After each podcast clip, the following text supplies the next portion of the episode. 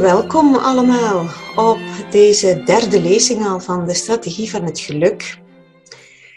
En Gerbert zal ons weer inspireren en verder borduren op hoezeer dat we misschien geformateerd zijn door het verleden, maar dat we toch de vrijheid en het potentieel in onszelf elk moment kunnen aanboren om hier en nu gelukkig te zijn. Gerbert, aan jou het woord. Dankjewel. Dan ga ik meteen naar de juiste dia gaan, want we zijn vorige keer geëindigd met iets te zeggen over visie. Ik wil het vandaag daarover verder hebben. En iets wat mensen mij regelmatig vragen in verband met die visie, en dat toont eigenlijk aan hoe weinig mensen daar eigenlijk mee bezig zijn, hoe, hoe weinig we ertoe aangezet worden om daarmee bezig te zijn.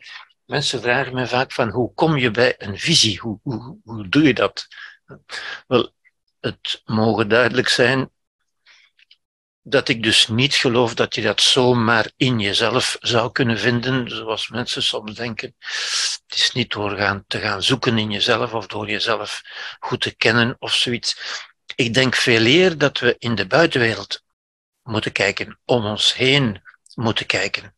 En dat we ons kunnen inspireren aan figuren uit religie, filosofie, geschiedenis, literatuur of, of eventueel individuele voorbeelden van mensen uit onze omgeving die we kennen. Ja. Met andere woorden, een beetje praktische filosofie zou ik zeggen, de mogelijkheden bekijken, wat er eigenlijk allemaal mogelijk is. Ja? Tot je iets ziet dat, waaraan je kunt inspireren. Ik, ik gebruik ook graag het woord resoneren, iets wat resoneert met jezelf, iets waarvan je zegt of denkt of, of, of vermoedt eventueel van kijk, dat is nu een leven, zo zou ik het ook willen doen. Ja, dat is nu iets interessants. Ja. Er zijn ook voorbeelden uit, uit de wetenschap, bijvoorbeeld, uh, uit, uit alle mogelijke terreinen of uit een film. U, u weet dat mensen soms uh, als mensen een James Bond film hebben gezien, dan komen ze allemaal een beetje als James Bond buiten, zo heel, heel, heel krachtig en veerkrachtig. Wel, het is een beetje dat, zo. Je, je identificeren, er, ervan proeven als het ware en proeven hoe dat leven zou zijn, of je zo'n leven zou willen hebben. Net zoals eigenlijk als je in een restaurant een menu moet kiezen, doe je eigenlijk hetzelfde. Je kijkt naar wat er beschikbaar is en dan beeld je je in dat je dat eet en je vraagt je af, heb ik daar nu zin in? Zou mij dat nu bevallen eigenlijk? Ja, je, je proeft dat mentaal een beetje, ja.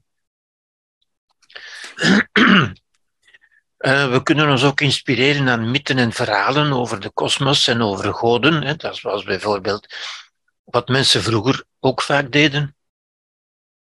De verhalen van Homeros bijvoorbeeld, uit de 8e eeuw voor onze tijdrekening. Ja. En vroeger kon men zeggen van kijk, als, als, als je dat probleem hebt, kijk eens hoe die held in de mythologie, hoe Odysseus of hoe Ulysses of dat heeft opgelost, kijk eens wat die gedaan heeft, ja. Om je te inspireren, van te zeggen, ah ja, dus zo zou ik het ook kunnen doen, eigenlijk. Ja uit religies, uit spirituele tradities, uit het boeddhisme bijvoorbeeld, of uit, uit het zen-boeddhisme, of uit het hindoeïsme, of uit, of uit een andere traditie, waarvan je zegt, hè, zoals mensen ook in een klooster gaan, hè, mensen denken van, tja, in een klooster, je moet altijd denken, als mensen iets doen, is het omdat ze daarvan verwachten dat ze zich daar goed gaan in voelen. En ze kijken naar wat andere mensen doen, wat, wat, wat de mogelijkheden zijn, wat op de menukaart staat in feite. Ja. En dat, is niet, uh, dat hoeft niet, zoals ik heb gezegd uh, in het begin van vorige week ook, toen ik het over die rollen had. Ja. U neemt een rol aan omdat u vermoedt dat, dat, of omdat u hoopt of verwacht dat u zich daar goed zal in voelen. Mocht dat helemaal tegenvallen, ja, dan kunt u nog altijd veranderen. Hè. Dat is niet, uh, niet in het marmer uitgehouwen natuurlijk, ja. Het is niet definitief, ja. Je kunt dat nog altijd doen, ja. De humanistische ideologieën, de verlichting bijvoorbeeld, de verlichting is, is ook zoiets. Je kunt naar, naar Voltaire of naar Molière of zo kijken en, en u daaraan inspireren. Ja. Het scientisme, ja, de wetenschap. Wetenschap geeft alle antwoorden. Meten is weten en alleen wat geteld kan worden, telt. Nu, dat, dat is niet zozeer een levensloop, maar dat zijn wel waarden waar ik straks ook zal op terugkomen natuurlijk. Ja. Uh, dat is eerder wat ik niet zou zeggen. Het scientisme is niet zozeer, geeft, geeft namelijk niet alle antwoorden voor het leven. Ja. Politieke ideologieën, ook een bron. Ja. Nationalisme, patriotisme. Hè. U kunt, u kunt uh, ja, mensen voelen zich daardoor geïnspireerd. Anderen voelen zich geïnspireerd door, door een sportcarrière of zoiets. Ja. Bijvoorbeeld de idealen van de Franse Revolutie. En dan komen we uiteindelijk tot, tot visies. Ja? En visie heeft iets te maken met waarden. Ik ga daar straks op terugkomen. Ja? De visie van de Franse Revolutie was bijvoorbeeld van het verwezenlijken van een aantal waarden. Ja, dat wordt dan een missie natuurlijk. Van, van hoe ga ik dat concreet doen? En wat zijn de waarden van de Franse Revolutie? Wel, u kent die natuurlijk, hè? dat is vrijheid, gelijkheid en broederlijkheid. Ja? Die eigenlijk nog altijd als, als baken kunnen gelden, als richtgevend kunnen gelden, want die toch nog maar zeer onvolmaakt uh, gerealiseerd zijn, zou ik zeggen. Ja. En ik zeg soms wel eens, ik, ik kijk met veel bewondering naar de Franse Revolutie, maar ik zeg soms wel eens, de Franse Revolutie is nog niet echt voorbij, ze is nog niet echt helemaal gerealiseerd. We kunnen nog wel wat meer doen op het gebied van vrijheid, gelijkheid en broederlijkheid natuurlijk. Vooral, vooral broederlijkheid. Ja. Je zou kunnen zeggen, vrijheid is het liberalisme, gelijkheid is het socialisme en broederlijkheid valt er een beetje uit. Zo, is een beetje stiefmoederlijk behandeld. Het postmodernisme daarentegen claimt of beweert of steunt op het einde van de grote verhalen. Het, postmodernisme is een beetje een, een tegenhanger daarvan, in die zin dat het postmodernisme eigenlijk zegt van die grote verhalen, en daarmee wordt bedoeld vooral die religieuze verhalen, maar ook die politieke ideologieën enzovoort, die maatschappelijke ideologieën. Eigenlijk zegt het postmodernisme, zijn die allemaal nogal relatief. Ja? Die zijn niet zo absoluut. En ieder moet het eigenlijk maar voor zichzelf uitvissen. Ja, vandaar dat ik zeg dat, dat waardenpluralisme, ja, dat, vandaar komt ook een beetje het idee van, van ieder zijn waarheid. Dat is natuurlijk niet helemaal waar, maar goed. Ja. De flexibele mens, ja. ieder moet het voor zichzelf. Ja. Dat was ook mei 68 bijvoorbeeld, voor wie dat nog zou hebben meegemaakt. Mei 68 was eigenlijk gericht tegen elke autoriteit. De slogan was verboden te verbieden. Ja, het is verboden iets te verbieden. Dus de algemene ontvoogding, de algemene emancipatie, de algemene vrijheid, zij het wel in de negatieve zin. De vrijheid van de vrijheid van dwang, de vrijheid van autoriteit, de vrijheid van verboden enzovoort. Alles moest kunnen. Vrijheid van niet, of nog niet in ieder geval, vrijheid tot.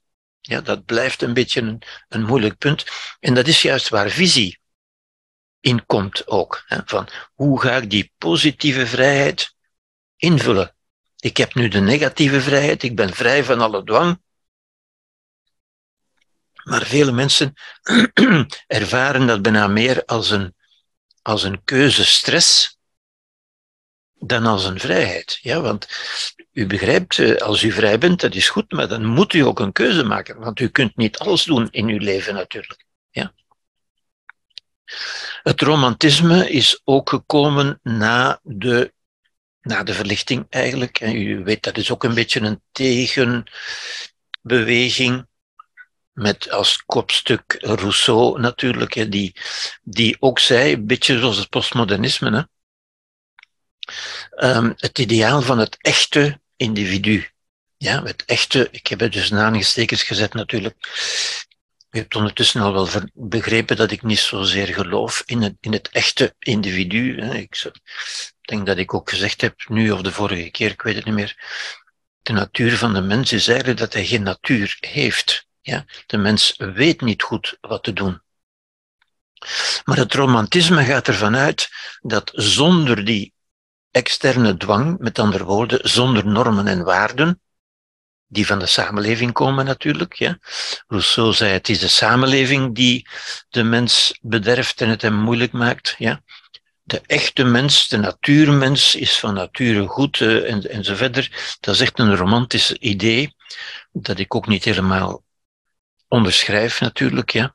Het neoliberalisme is ook zoiets, hè. dat zijn waarden, dat is een waardesysteem, waar voorop staat dat alles eigenlijk draait om de markt en de economie. En dat is een beetje de tijd waarin we ook leven, natuurlijk. Hè. Alles, alles wordt economisch gevalideerd en geëvalueerd op zijn marktwaarde. Het managementdenken, ook dat is bij ons, het managementdenken, ja. En dat is de, die neiging van tips en tricks te gebruiken voor emotioneel management met het oog op je goed voelen. Ja? En mensen zeggen vaak, ja, maar geef me de praktijk, geef me enkele tips, enkele trucjes. Ja?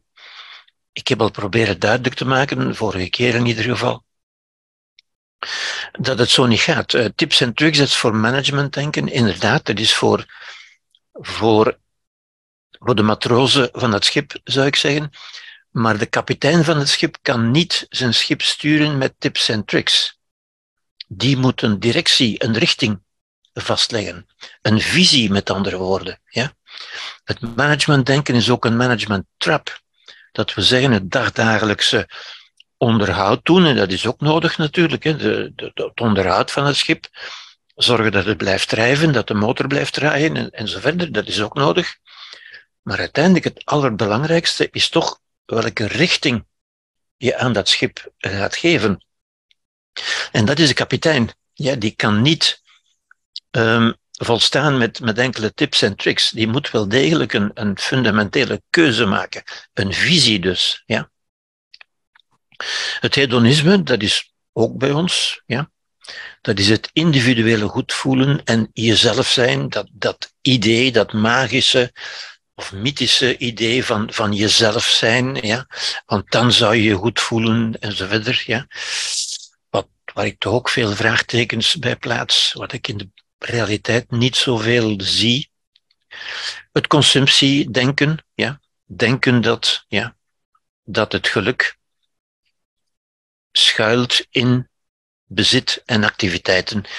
Vooral consumptie, bezit en consumptieactiviteiten natuurlijk, ja vakantie nemen, eh, gaan skiën, eh, naar sauna gaan, restaurants gaan en zo verder. Wat ik vaak de bonbons van het leven noem, ja, de plezierige dingen. Dat is natuurlijk plezierig op zich, maar dat is een kortdurend plezier, zoals een bonbon. Ja. Dat geeft je geen blijvend en geen diepgaand geluk, natuurlijk. Ja. En tenslotte zou ik zeggen, zou ik iets willen zeggen over de humanistische waarden, die toch een beetje toonaangevend. Ik heb het vorige een beetje als illustratie gegeven. De humanistische waarden die ik persoonlijk de belangrijkste vind. En die zijn, om te beginnen, de moed. Dat was wat uh, de Grieks-Romeinse humanisten al zegden natuurlijk. De moed, ja. De doorzetting, de vastberadenheid om te veranderen wat veranderd kan worden. Ja? Om, om dat te doen wat gedaan moet worden, wat Marcus Aurelius ook altijd zei bijvoorbeeld, de Boeddha ook trouwens, ja. Matigheid, soberheid, sereniteit, het vermijden van excessen, ja. Omdat excessen ook geen blijvend geluk opleveren. Dat is een maximalisatie, ook, ook verslaving hoort daarbij bijvoorbeeld, ja. Intuïtief denken wij, als iets goed is, dan is meer daarvan nog beter. Ja, en we, dus, we zijn altijd geneigd tot overdrijven, tot excessen. Ja. En we denken, uh, soberheid, ja, dat, dat, dat is toch niet voor ons, dat is toch niet voor mensen van deze tijd. Terwijl Epicurus bijvoorbeeld juist zei, juiste soberheid aanprees, ja, omdat je dan pas ook kunt waarderen wat er is. Het is veel meer het waarderen dan het genieten. Ja, het, het, het, huidige, het moderne woord is het genieten. Ik ben niet zo voor dat woord, omdat ik dat nogal een babywoord vind eigenlijk. Een volwassen mens moet waarderen. Ja? En waarderen is veel redelijker en leidt tot meer waardering ja, en tot meer blijvend geluk dan het, dan het consumeren van een massa bonbons, zou ik zeggen. Ja? Rechtvaardigheid. Rechtvaardigheid is de redelijkheid in de samenleving, in het samenlevingsgebeuren. Rechtvaardigheid komt uit redelijkheid. Ja? En rechtvaardigheid steunt op, het, het, op de redelijkheid die, die Kant ook heeft, uh, heeft aanbevolen. Um, waarom zou rechtvaardig zijn? Omdat als je nadenkt, als je niet rechtvaardig bent, dan kun je dat ook van anderen niet eisen dat zij rechtvaardig zijn. Ja? Als jij denkt dat je dingen mag pakken zomaar van de anderen, ja, dan mogen zij ook dingen bij jou passen, pakken. En dan ontstaat er chaos in de samenleving. Ja? Net zoals je in het verkeer niet, niet zomaar kunt rijden, maar dat je rechts moet rijden. Waarom? Wel, omdat het dan voor iedereen mogelijk wordt. En dat is ook een beetje rechtvaardigheid. Ja? Rechtvaardigheid kunnen we eisen als we ook zelf rechtvaardig zijn. En dat berust natuurlijk op gelijkheid. Ja? Als u niet ervan uitgaat dat u een speciaal iemand bent die recht hebt op meer dan wat de andere mensen hebben. Dat is ook de gedachtegang van Kant natuurlijk. Ja? Rechtvaardigheid is eigenlijk gewoon redelijkheid. Ja? Wijsheid, het verwerven en toepassen van inzichten, ja, de inzichten van de levenskunst, zou ik zeggen, waarvan we hier en ook in deel 1 er een aantal gegeven hebben natuurlijk, met name over lijden en welzijn. Dat is ook de moed om te veranderen wat ik kan veranderen, de sereniteit om te aanvaarden wat ik niet kan veranderen en de wijsheid om het onderscheid tussen beide te maken. Dat is nogmaals de, de levensregel, zou ik bijna zeggen, die door de Grieks-Romeinse humanisten werd aangehangen, die ook wordt toegeschreven aan bijvoorbeeld Franciscus, ja, maar ook aan, aan uh, Niebuhr, aan, aan verschillende mensen. Ik weet niet wie echt uh, de echte auteur is, denk ik, ja. Maar het is de geest van de humanistische filosofie, de humanistische redelijkheid ook. Ja. Opvoeding is ook zo belangrijk. Welke waarden deel ik mee? Daar ga ik straks nog op terugkomen. Ja. Dat is wijsheid, ja. Medemenselijkheid, mededogen, welwillendheid, wat men soms ook liefde noemt, ja.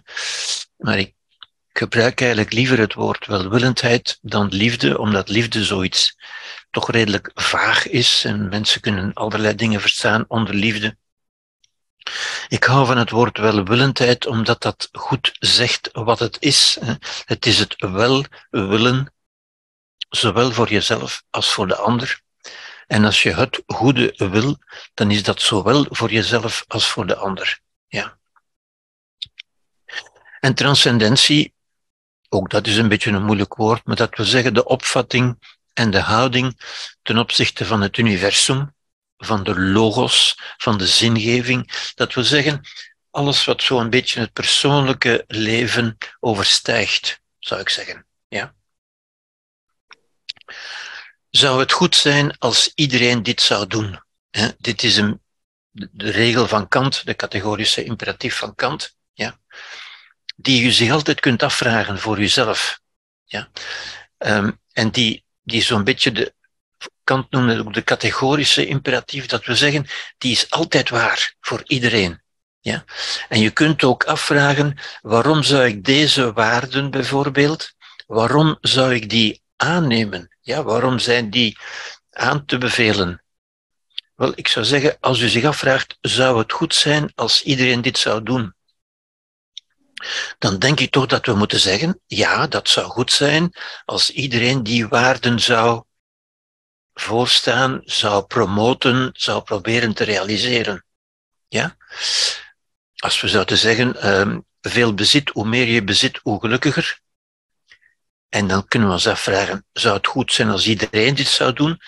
Dan denk ik, nee, dat is geen regel die we voor iedereen kunnen. Ja? Of ik mag, ik mag mijn buurman uh, doodslaan als hij mij verveelt. Dan snap je natuurlijk, uh, uh, ja, als ik hem mag doodslaan, dan mag hij mij ook doodslaan. En dan staat er chaos natuurlijk. Ja? Dus dit is een regel van, van redelijkheid. En daarom zeg ik ook altijd, die, de moraliteit is eigenlijk de wijsheid, maar eigenlijk ook de redelijkheid. Moraliteit is als je redelijkerwijze kunt zeggen, het zou goed zijn als iedereen dat zou doen. Dat zijn waarden die we voor iedereen kunnen aanbevelen. Ja? Goed. In verband daarmee is er een bijzondere reeks waarden, zou ik zeggen. Ja. En dat is ook in verband met de, met de opvoeding. Ja. Welke waarden deel ik mee? Waarden zijn ook een belangrijk element van de opvoeding, want opvoeding is een opvoeding met en tot waarden, zou ik zeggen. Ja. En dan kunnen we twee soorten waarden zien die niet totaal uit elkaar liggen, maar toch een beetje verschillend zijn. Namelijk, we kunnen moederlijke en vaderlijke waarden of functie, ja, functie gaat over waarden uiteindelijk, ja, die typisch kenmerkend door de moeder en door de vader, althans door de figuur van de moeder en door de figuur van de vader, ja, niet noodzakelijk door de persoon van de moeder of door de persoon van de vader. Ja? Dus, want er zijn ook, en dat is belangrijk, Lacan heeft dat ook gezegd, er zijn ook vrouwen die eigenlijk een meer mannelijke geest hebben en die dus meer een mannelijke functie vervullen en meer mannelijke waarden doorgeven. Net zoals er mannen zijn die meer vrouwelijk zijn, die meer verzorgend zijn, die daar zich, meer, zich, zich beter invoelen. Ja? En dus ook meer vrouwelijke, moederlijke waarden zullen doorgeven in hun opvoeding. Ja? Wat zien we tegenwoordig vaak? Wel, we zien vaak in de, in de samenleving, ik heb het nu niet over, over individuele personen, maar in de samenleving zien we vaak een doorschietende, dat wil zeggen een overdreven moederlijke functie en dus moederlijke waarden. Ja?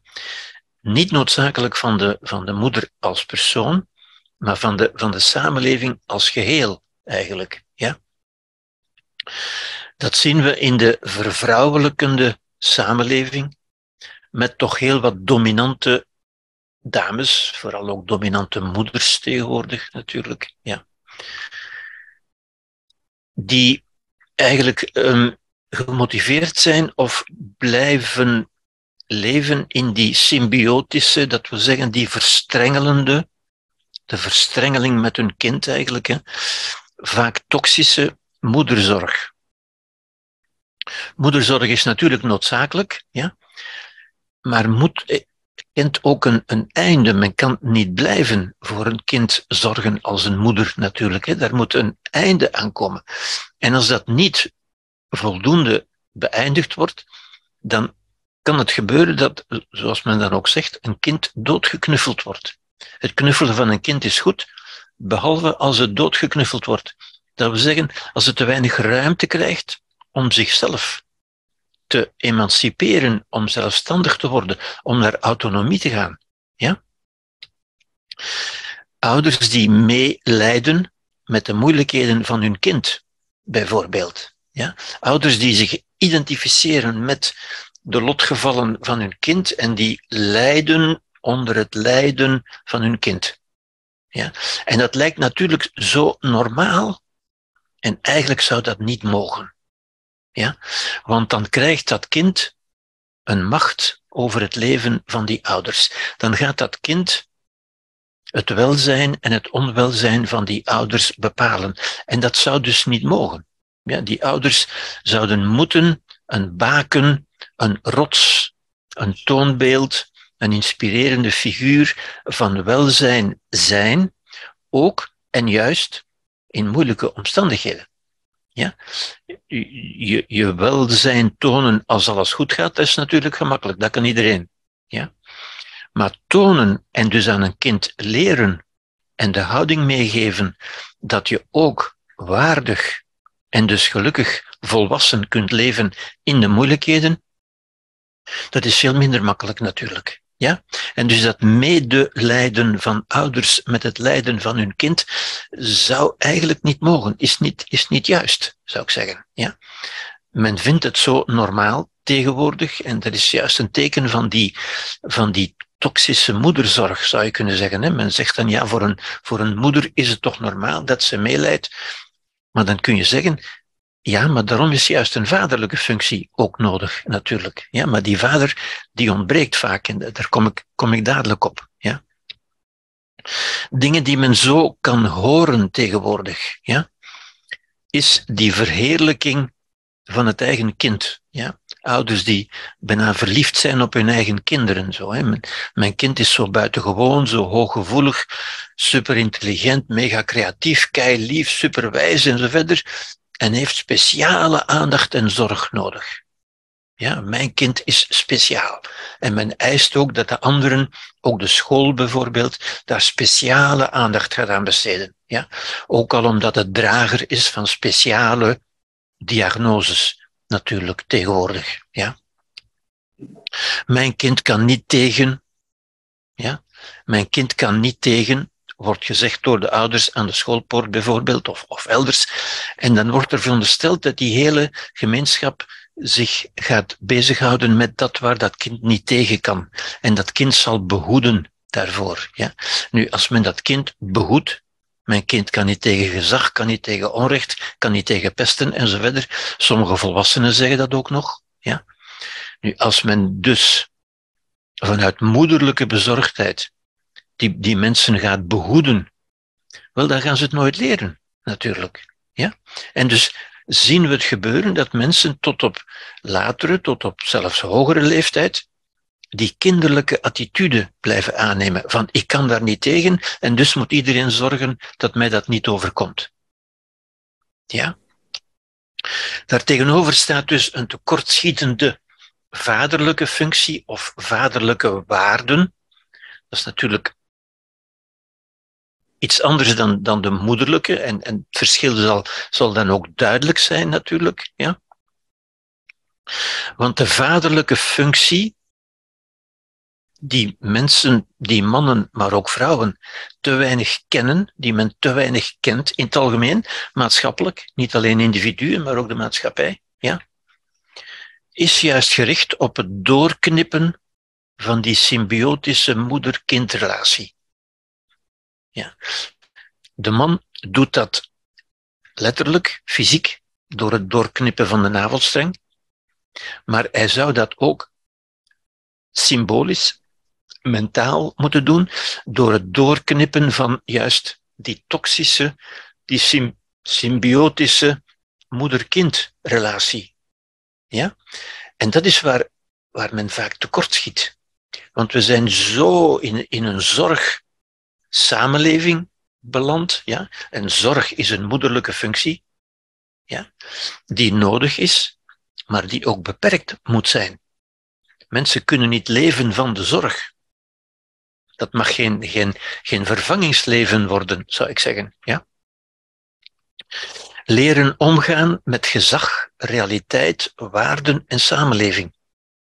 Niet alleen maar rekening houden met de gevoeligheden en de zogenaamde kwetsbaarheden enzovoort, maar leren omgaan met de realiteit, met de realiteit van gezag, van waarden in de samenleving, leren omgaan met de anderen. Ja? Een vader moet kunnen verdragen, moet kunnen optreden en moet daarbij kunnen verdragen dat hij door zijn kinderen, figuurlijk zou ik zeggen, gehaat wordt. Een vader moet daar tegen kunnen. Een moeder kan daar heel moeilijk tegen. Ja? Vaders tegenwoordig ook, overigens. En, en vaak zie je zo, of, of regelmatig, zie je zo bijna een soort competitie, een, soort uh, een soort competitie om de goedkeuring van de kinderen. Om geliefd te worden door de kinderen. Maar dat is niet de taak. Ja? Ouders moeten iets meegeven. Ja? Moeten niet geliefd worden door hun kinderen. Ja? Mannen en vaders dus zijn vaak afwezig, fysiek, omdat ze naar hun werk zijn of, of naar de voetbal of weet ik veel. En als ze toch aanwezig zijn, zijn ze vaak psychisch afwezig. Ja? Omdat ze onwetend zijn, omdat ze hun rol niet kennen en of omdat ze machteloos zijn. Ja? Omdat ze zich machteloos voelen. Vaders voelen zich vaak machteloos, ja? omdat ze vaak denken, mannen hebben vaak zo'n meer mannelijke rol, mannelijk beroep en denken vaak van, ja, van kinderen en zo en van gevoelens en zo verder. Daar weten mannen toch niet zoveel van, ja. Wat vrouwen dan ook vaak bevestigen, ja. Waardoor ze de mannelijke functie en de mannelijke waarden mee ondermijnen, eigenlijk. De mythe gaat zo ronden, ja. En, en men denkt dat, eh, dat is wat ik de onwetendheid noem natuurlijk, hè, dat mannen uh, onbekwaam zijn op het vlak van, van gevoelens en van, van aanvoelen en zo verder. Dus komt dan zo de, de, de cliché van de, de vrouwelijke intuïtie en vrouwen weten het altijd beter, zeker als het over de opvoeding van de kinderen gaat. En mannen zwijgen dan heel gemakkelijk, natuurlijk, zodat ze dus hun rol niet vervullen. Ja? Niet uit, uit boosheid of, of slechtheid, maar uit onwetendheid. Ja? Moeders nemen vaak de leiding en de vader, hè, u weet ook, de, de, de nieuwe man, zoals men zegt, dat is de man die de vrouw helpt. Dat is een helperrol. Ja? Waardoor de echte vaderlijke functie eigenlijk ondermijnd wordt. Het is de moeder die de leiding neemt en de vader die helpt. Ja, ziet u? En dat is, dat is niet de juiste, juiste verhouding, zou ik zeggen. Ja? Zelfs Binu Singh heeft dat in haar, in haar uh, uiteenzettingen in haar boek onderstreept. Zij, zij spreekt van, van moederkracht en vaderkracht. Dat is eigenlijk hetzelfde natuurlijk. Ja? Dat is lastig voor kinderen. Om te beginnen omdat kinderen daarmee de last krijgen van te moeten zorgen voor het welzijn van hun ouders. Ja. En, en vaak hoor je kinderen zeggen van, ja, maar dat kan ik toch tegen mijn ouders niet zeggen, dat kan ik hen toch niet aandoen. Want die ouders zijn zo'n supergoede ouders. Ja, dat zijn vaak vriendjesouders. Ja, vriendjes in plaats van ouders. Ja. En het is voor kinderen moeilijk om zich daarin te individualiseren als individu als onafhankelijk, als autonoom te gaan functioneren. Tegenover die ouders die het zo goed bedoelen en zo goed voor hebben en zoveel geven. Ja? Maar tegelijk, dat, dat is een voordeel van wat ik daarboven het, het doodknuffelen heb genoemd. Ja? Tegelijk wordt hun, hun ontwikkeling daardoor zeker niet bevorderd en vaak zelfs bemoeilijkt, zou ik zeggen. Onder het mom van, ja, maar dat is liefde en dat is toch normaal dat je, dat je als moeder en zelfs als vader je zo voelt en, en zo verder. Ja. Een falende groei naar volwassenheid dus. En dat maakt dat we steeds meer, en dat zie ik regelmatig en ook collega's van mij natuurlijk, volwassenen, volwassen mannen of jongvolwassen mannen en, en jongvolwassen vrouwen, maar ook volwassenen, tot, tot op hogere leeftijd eigenlijk, hè, dat zij het moeilijk hebben om om te gaan met de realiteiten van het leven. Ja, met de moeilijkheden en de realiteiten en dat ze tegen allerlei dingen niet tegen kunnen. Daar kan ik niet tegen en daar kan ik niet tegen en zo verder. Ja wat dan als psychische problemen wordt gediagnosticeerd, maar dat zijn in werkelijkheid natuurlijk geen psychische problemen, dat zijn existentiële problemen. Ja. Dat zijn eigenlijk filosofische problemen, problemen van, van de kaart van het leven, van de verwachtingen van het leven en van, de, van het idee over zichzelf. Dat is geen psychisch probleem natuurlijk. Hè. Wat zijn de gevolgen wel, de gevolgen zijn, ik heb het al gezegd, kinderen leren niet op een volwassen manier omgaan met de zogezegd harde realiteiten en verantwoordelijkheden. Ja? Vaak zeggen die mensen, ja, de wereld is te hard voor mij, of ik ben daar niet voor gemaakt, of zoiets. Uh, ja. Vooral ook die verantwoordelijkheden. Hè? Men, wil wel de vrijheid, maar men wil niet de verantwoordelijkheid natuurlijk. Hè?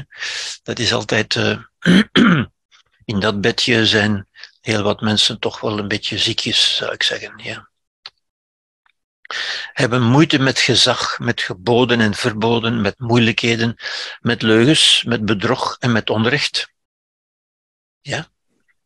Mensen denken dat ze, dat ze van de wereld uh, eerlijkheid, rechtvaardigheid uh, kunnen verwachten en zijn ontgoocheld en boos en verontwaardigd als dat niet zo is.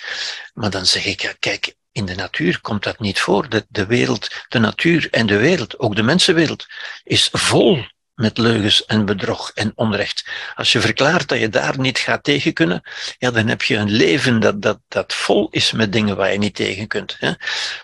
Ook Freud had dat al door natuurlijk. Hè. En Freud noemde dat het realiteitsprincipe. Tegenover het lustprincipe. Het lustprincipe is bij een klein kind van ik, ik moet mij altijd, altijd goed kunnen voelen. Het moet altijd leuk zijn. Alles draait rond mij, met andere woorden. Ja? Maar Freud zei ook, vroeg of laat moet dat kind het realiteitsprincipe leren. En dat is juist de vaderlijke functie. Ja? De redelijkheid, met andere woorden, de realiteit leren zien zoals ze is. En die ook leren aanvaarden en daar ook zich een plaats in geven. Niet vinden of krijgen, maar plaats nemen, zou ik bijna zeggen. Ja?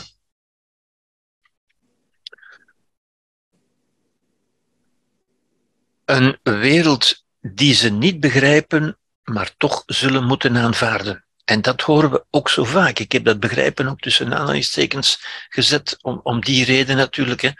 Mensen zeggen zo gemakkelijk, ik kan dat niet begrijpen. En dan staat er als ondertiteling bij, en dus kan ik het niet aanvaarden. Ja? Het idee dat men alleen maar kan aanvaarden wat men kan begrijpen. En dat wordt zo'n beetje als normaal gezien. Ja? Nu, ik zou zeggen, aanvaarden is alleen maar belangrijk, juist voor de dingen die je niet kunt begrijpen. Aanvaarden wat je kunt begrijpen, dat is gemakkelijk. Dat kan iedereen. Dat is niet verkeerd natuurlijk, hè, maar dat is ook gemakkelijk. De uitdaging is, de uitdaging voor de volwassen persoon, het realiteitsprincipe is, of je nu de wereld begrijpt of niet, begin met ze te aanvaarden. De wereld is zoals ze is. Je mag natuurlijk, dat, dat is logisch, dat is begrijpelijk, dat is wat de wetenschap en de filosofie doen. We proberen dat te begrijpen. En dat is een terecht, een terecht verlangen, zou je zeggen. Ja? We zouden dat graag begrijpen. En we mogen daarna streven, natuurlijk, zoveel mogelijk.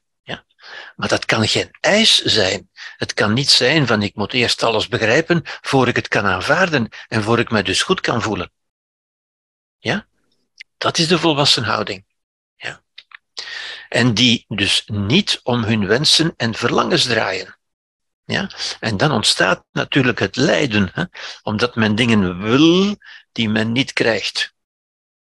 Het lijden is altijd, ik heb dat in deel 1 ook uit, uitvoerig uh, behandeld en besproken, het lijden is altijd, vanaf een klein kind tot, tot op hoge leeftijd, het feit dat men iets wil en het niet krijgt. Of omgekeerd, dat er iets is wat men niet wil, maar dat komt eigenlijk op hetzelfde neer.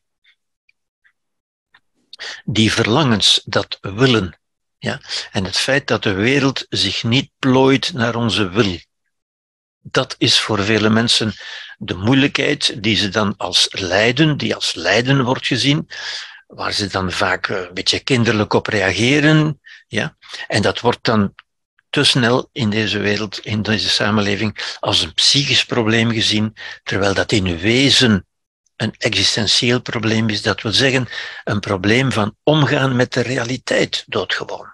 Ja?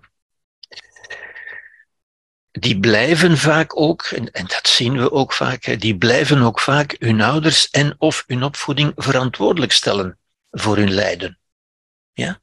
bron van vele conflicten tussen ouders en kinderen natuurlijk. En, en ook dat, kinderen kunnen altijd zeggen van het is omdat jullie mij niet goed hebben opgevoed natuurlijk. Dat is ook weer de wereld op zijn kop zetten. Hè. Geen enkele opvoeding is, is volmaakt.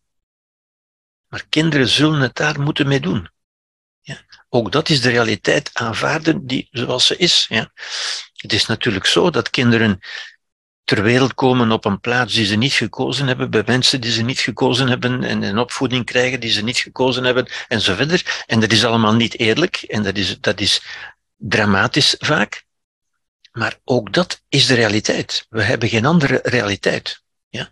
We kunnen het uh, niet anders doen. Het, dat is nu eenmaal zo. Ja? We komen ter wereld als totaal hulpeloos wezentje en we moeten geleidelijk aan opgroeien. Ja? ja, het gevolg is ook vaak, dus ten eerste kinderen leren niet volwassen omgaan en vaak ontstaat daaruit, leidt dat tot rebellie, dat is nog het minst erge, pathologie, wat men dan ziekte gaat noemen, of stoornissen of zoiets, disorders in het Engels, en of, en of delinquentie. Delinquentie is dus ja, gedrags, uh, hoe heet men dat tegenwoordig, uh, grensoverschrijdend gedrag zou ik zeggen. De grens in dit geval gesteld door de wet. Ja? Onwettig, ongewenst en onwettig gedrag, dat is delinquentie natuurlijk. Ja?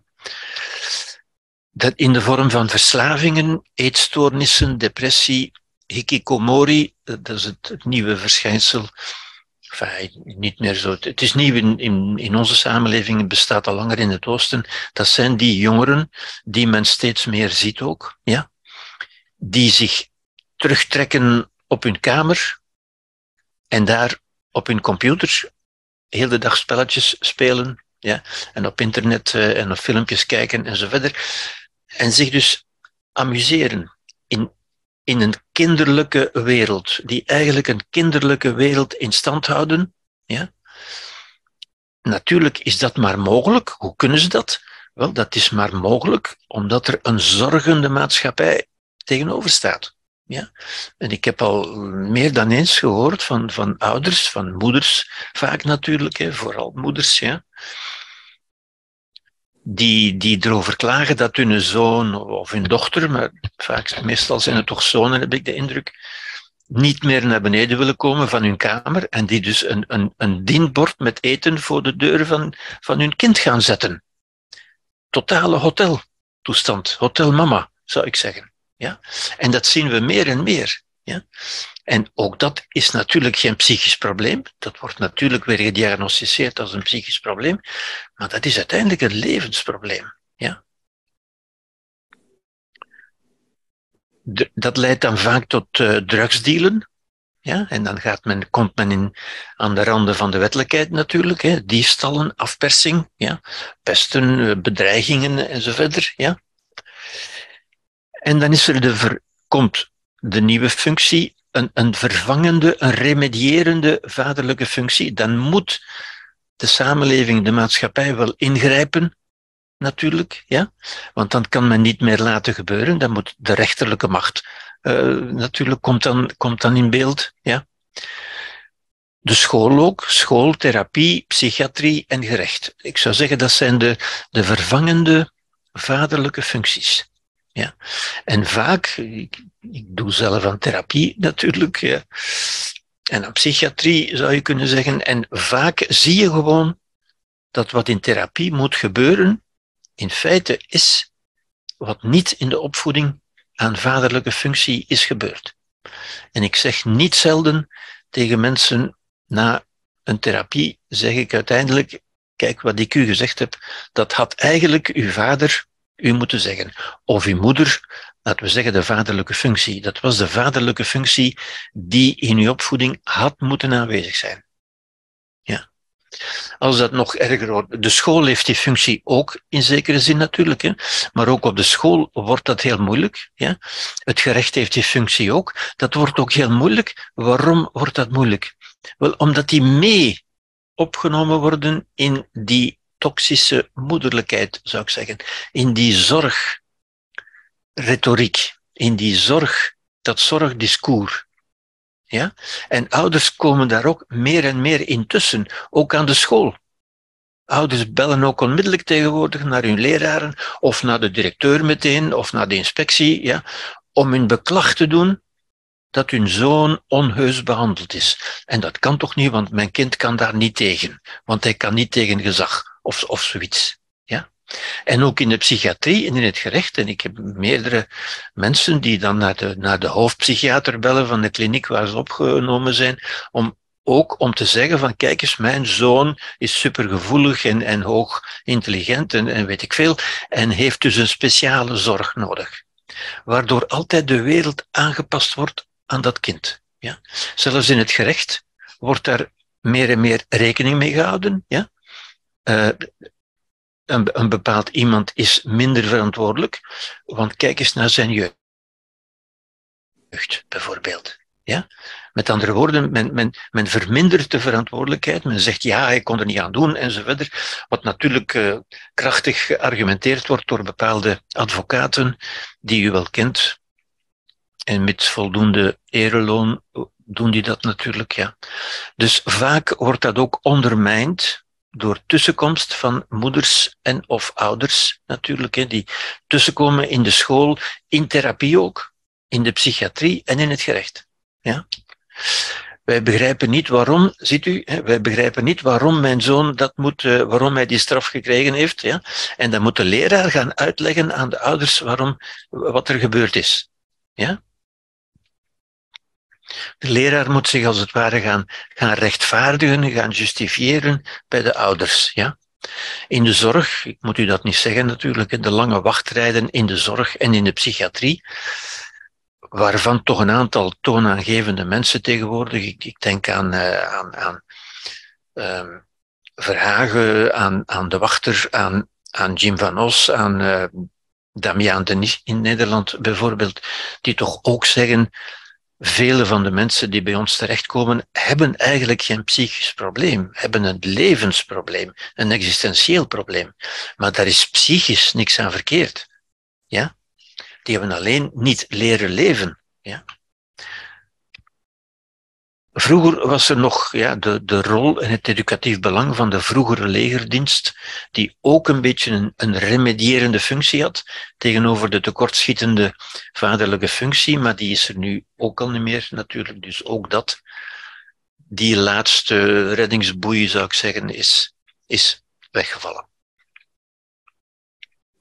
Goed, bloemen en bomen hebben zon en regen nodig. Ja. En ik zou dat dus ook als, als na, deze, um, na deze bij, bij deze inzichten zou ik zeggen, een kind heeft zowel moederlijke als vaderlijke functie nodig. En u begrijpt nu misschien beter, hoop ik toch, ja, waarom ik spreek over doorschietende moederlijke functie, een overmaat. Ja. Ik zeg dat ook niet alleen, er zijn verschillende onderzoekers en, en auteurs die dat gezegd hebben. Lacan heeft dat gezegd, maar ook nog vele anderen. Uh, Freud uh, heeft dat ook gezegd natuurlijk. Ja. Bloemen en bomen, en dus ook mensen onder verstaan, hebben zon en regen nodig. Ze zijn allebei nodig. Ja, alleen maar zon, dat volstaat niet. Alleen maar regen natuurlijk ook niet. Ze zijn allebei nodig. Zowel vaderlijke als moederlijke functie is nodig. En ik ben persoonlijk blij, zou ik zeggen, eh, dat, uh, dat Bino Singh, de bekende uh, kinderpsychiater in, in de KU Leuven, opvolger van um, Adriaansen dat nu ook duidelijk heeft, uh, heeft gezegd. Het is zeker een, een, een stap in de goede richting van dat in te zien natuurlijk. Hè. Kinderen hebben met andere woorden moederlijke en vaderlijke functie nodig. Ja. Maar daartoe is nodig, zou ik zeggen, dat die vaderlijke functie ook duidelijker omschreven wordt. Dat mannen, en vooral vaders natuurlijk, dat ook duidelijker zien en dat moeders dat ook erkennen dat moeders die rol laten spelen. Ja? En niet hun mannen buitenspel zetten, de vaders ondermijnen, ja? zoals ik dat toch regelmatig zie en hoor gebeuren. Ja? Men wordt niet groot in de gemakkelijkheid. Men wordt niet groot in de gemakkelijkheid. Ja? Ik heb dat ook al verschillende keren gezegd. Hè. Men, men heeft het nodig. Het kinderlijke denken moet verstoord worden om tot een volwassen denken te kunnen komen. Die, die verstoring, ja. En dat wordt al, te snel, al te veel gezien als een trauma. En dat mag toch niet, want dan gaan ze beschadigd zijn en zo verder. Nee, dat is nodig. Het kinderlijke denken moet verstoord worden. Ja? Daarom niet op een brutale manier, dat mag op een, op een zachtaardige manier, maar het moet wel gebeuren. Ja? Men kan niet met een kinderlijke mindset in het volwassen leven terechtkomen. En dat zie ik toch veel te veel gebeuren eigenlijk. Ja. Goed.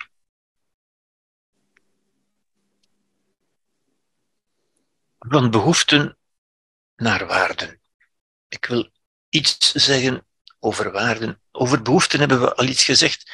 Namelijk vorige week, als ik me goed herinner, heb ik het gehad over de behoeften zoals ze door Maslow zijn ingedeeld, die piramide van Maslow, dat fameuze schema van Maslow, hè, wat ik dus liever het verlangenschema zou noemen. Ja. Eigenlijk ook het, het visieschema, het motivatieschema, eigenlijk, ja, wat de verschillende manieren geeft, de verschillende verlangens in de mens, die dus tegelijk ook angsten kunnen worden angsten dat die niet vervuld zullen zijn. Al die verlangens zijn ook bronnen van angst, van mogelijke angst, maar zijn ook bronnen van motivatie, die mensen motiveren om iets te doen, ja? om aan hun verlangen tegemoet te komen, altijd met het ultieme doel, ik, denk, ik hoop dat ik dat ook duidelijk genoeg heb gezegd, ja? het ultieme doel is altijd het overleven en het gelukkig leven. Ja? Iets wat Aristoteles nota bene al gezegd had en al goed gezien had. Aristoteles heeft gezegd, het geluk is het ultieme doel, met andere woorden, de ultieme motivatie ook. Waarom doen mensen wat ze doen? Wel, u kunt dat altijd begrijpen uitgaande van het schema van Maslow, van de motivaties van Maslow, van de wil tot leven en de wil tot gelukkig leven. Ja. Wel, um, ik zou zeggen, dat worden ook waarden. Ja? Waarden zijn, wat is dat? Wel, dat is eigenlijk alles wat mensen waardevol vinden. En hier is dat woordje vinden natuurlijk belangrijk. Ja? Mensen kunnen allerlei dingen belangrijk vinden. Ja? Dus dat is een beetje subjectief. Waarden zijn niet objectief. Waarden kunnen wel redelijk zijn in de zin, zoals ik heb gezegd, dat ze beantwoorden aan het criterium van Kant, dat we kunnen zeggen, zou dat een goede waarde zijn voor iedereen? Ja, dat is een criterium dat Kant heeft naar voren gebracht om na te gaan, is een waarde eigenlijk wel een goede waarde? Ja? Maar in principe, alles wat mensen waardevol vinden, wat ze dus belangrijk vinden, is een waarde. Ja? En een waarden zijn ook richtingaanwijzers. Het is een soort moreel kompas en het zijn geen doelen. Waarmee ik bedoel, geen doelstellingen. Wat is het verschil tussen een waarde en een doelstelling? En dat is heel belangrijk. Een doelstelling is iets wat u kunt bereiken, waar u kunt aankomen. Ja? En als u daar aangekomen bent, ja, dan moet u een nieuw doel kiezen, zou ik zeggen. Ja? Dan hebt u weer geen doel meer. Dan is uw doel bereikt en dan hebt u geen doel meer. Tenzij u er een nieuw kiest. Ja?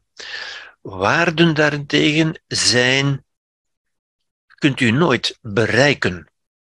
Ja? Het zijn richtingaanwijzers die op elk moment kunnen zeggen in welke richting moet ik nu verder. Want u kunt het nooit bereiken. Ik vergelijk dat wel eens met de, uh, de windstreken.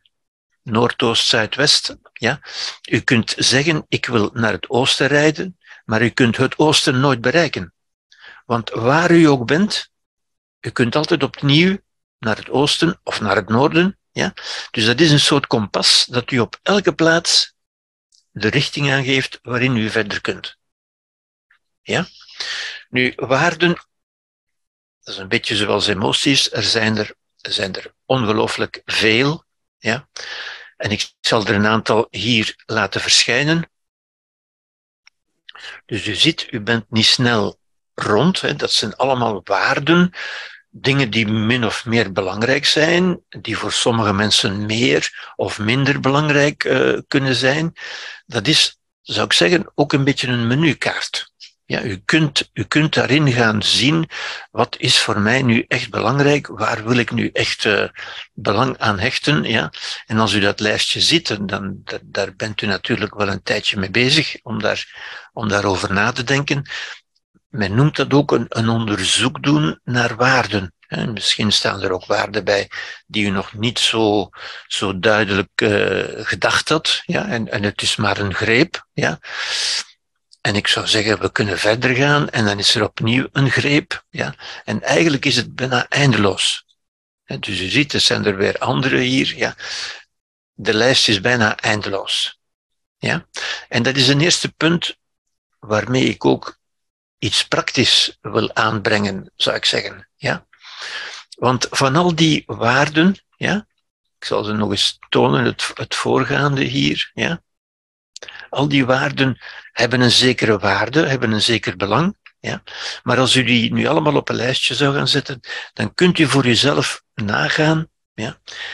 Eén daarvan zou ook uw visie kunnen zijn, zou u tot uw visie kunnen maken, met andere woorden. Ja?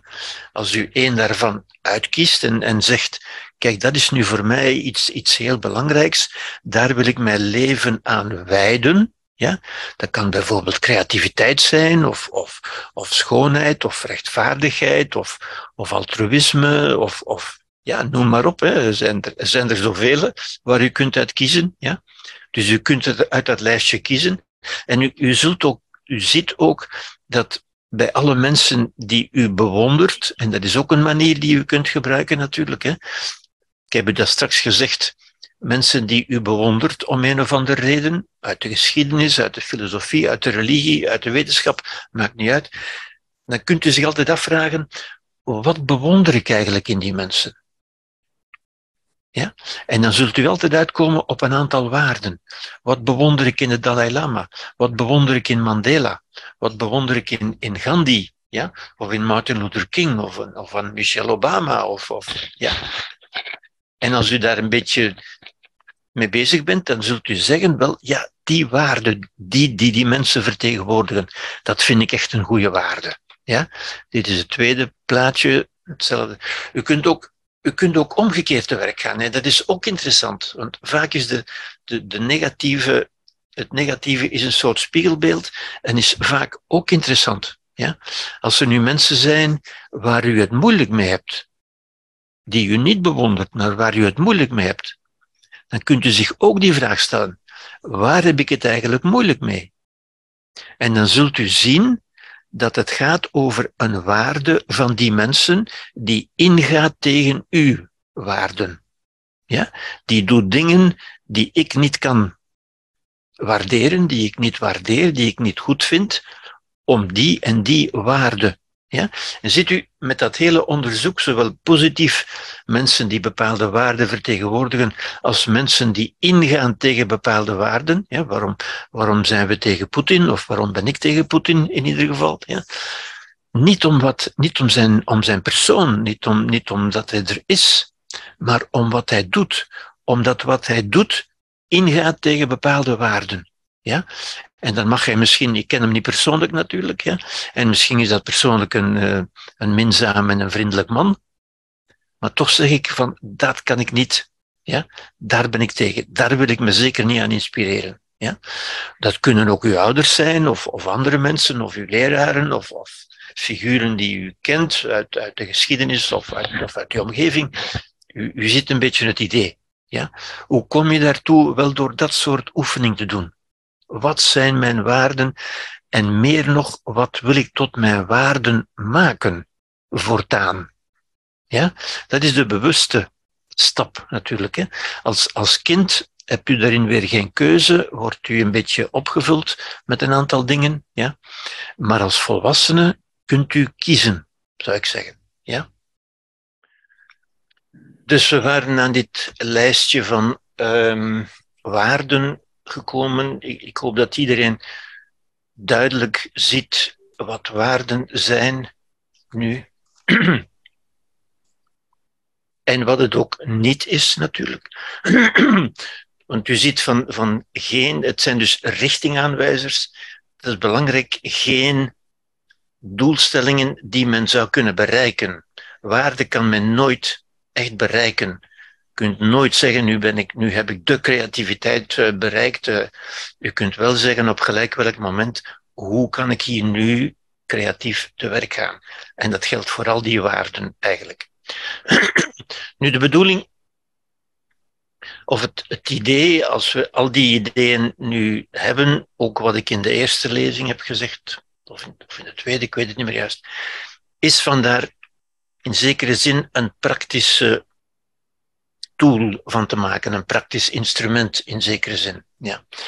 En daartoe uh, zou ik zo'n soort, stel ik een soort tabel voor, ja. Een tabel die u natuurlijk voor uzelf kunt tekenen en kunt invullen. En dat wordt dan echt een levensoefening, ja. Waarbij u, om te beginnen, de waarden die u hebt gekozen in de eerste kolom kunt zetten. Dus laten we zeggen, ik toon er hier vijf, twee, drie, vier, vijf, ja, en nog veel meer. Dus dat zijn uw waarden, dat is uw topwaarde, dat is de tweede waarde enzovoort. Die u na rijp beraad natuurlijk uit die lijst gekozen hebt, waarvan u zegt dat zijn er voor mij de top. U kunt er ook tien maken of twintig, het is zoals u wil natuurlijk. Hè. Het is een, een voorbeeld wat ik u geef. Dus in die eerste kolom zet u de waarden in functie van hun belangrijkheid. En in de rij hierboven zet u wat we in de eerste lezing, of was het de tweede, denk ik, de tweede, denk ik, ja, gezien hebben, de rollen die u speelt in uw leven, die u vervult. Ja? Dat we zeggen, en ik heb u toen ook gezegd, iedereen vervult verschillende rollen natuurlijk, en ook daar kunt u over nadenken. En als u ook daarover nagedacht hebt, kunt u dat samen, samenbrengen in dit schema rol 1, rol 2, rol 3 en nog andere rollen, eventueel, u kunt dat zo groot maken als u wil. En daarbij ook, wat ik u gezegd heb, die activiteiten die bij elke rol horen. Die helemaal rechts, weet u nog, die taken, die opdrachten, die activiteiten. En dan zet u hier activiteit 1, activiteit 2 en nog meer, eventueel. Ja? En dan kunt u in uw leven gaan, gaan evalueren, gaan scoren als u wil. En dan kunt u zeggen, dit zijn mijn waarden, dit zijn mijn rollen. Als ik nu bijvoorbeeld rol 1 neem, in rol 1, ja? Mijn rol als, als echtgenoot of als eh, bedrijfsleider of als uh, wat dan ook, ja? of, als, als therapeut, wat dan ook. Ja? Kunt u zeggen, in welke mate komt mijn waarde 1 daarin aan bod. Laten we zeggen, waarde 1 zou bijvoorbeeld kunnen zijn creativiteit. Ja? Hoezeer kan ik mijn creativiteit gebruiken, aan bod laten komen in mijn rol 1, laten we zeggen, als bedrijfsleider. Ja? En dan kunt u daar een cijfer aan geven. Ja? Op een manier die u wil, van, van 1 tot 10 of van 1 tot 100 of, of getallen van A tot Z, dat is zoals u wil laten we zeggen, ik heb hier bij wijze van, van voorbeeld van 1 tot 10 gegeven. Ja? Stel dat u zegt, rol 1, waarde 1, dat we, daar geef ik een 9 aan. Dat wil zeggen, in mijn rol als bedrijfsleider kan ik mijn creativiteit goed gebruiken en goed aan bod laten komen. Ja?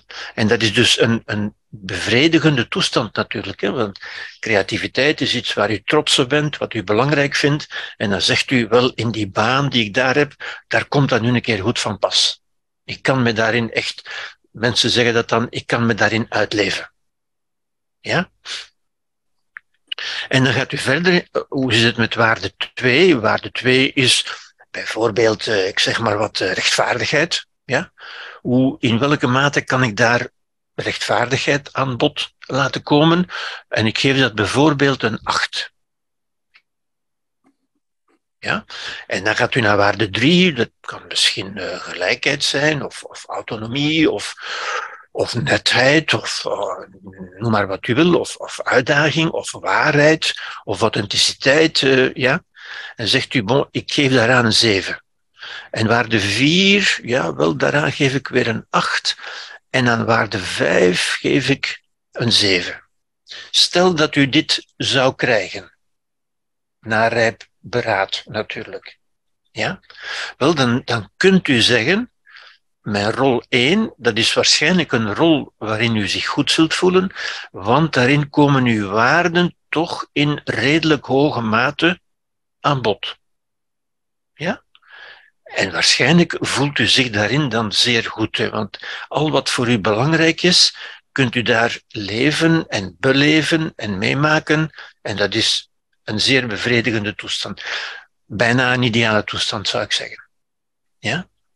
Maar als ik het nu eens omgekeerd, of, of een ander voorbeeld geef, in mijn rol 2. Hè? Stel dat u bent, u bent, uh, u bent, zit aan de kassa van de GB, of u bent bankbediende, of, of, of zoiets. Hè? maakt nu niet echt uit. En u zegt, ja, creativiteit, ja, dat komt toch niet zo erg aan bod. Ik geef dat maar een 2. Ja? En een gelijkheid, uh, ja, ja, dat vind ik, dat is maar een eentje. Ja? En mijn waarde 3, uh, eh, wat was dat? Uh, uitdaging of, of waarheid, het maakt niet uit. Dat is maar een 3 en dat is een 2 en, en dat is ook maar een 2. Ziet u, dan hebt u, ik zou bijna zeggen, een probleem. Maar dat zeg ik natuurlijk niet graag. ik zou zeggen, dan hebt u een uitdaging. Ja? Want dat is natuurlijk de toestand waarin vele mensen zullen zeggen, ja, daarin voel ik me niet goed. Dat u zich niet goed voelt, dat is duidelijk. Ja, u voelt zich daarin niet goed. Niet gewaardeerd, niet in topfunctie, zou ik zeggen. Want u kunt niet optimaal functioneren. Waarom niet? Omdat u uw waarden niet kunt beleven of met anderen delen of aan bod laten komen of iets dergelijks. Ziet u? En de, de eerste reflex zou dan, is dan bij veel mensen, dat, dat hoor ik toch ook heel vaak, ik hoor dit heel vaak natuurlijk, ja, want dat zijn mensen die klagen ja? Deze mensen die klagen natuurlijk niet. Hè? Die zeggen, ja, mijn baan, ja, ik doe dat graag, dat is fijn, ik voel me daar goed in en zo verder. Maar deze mensen klagen natuurlijk.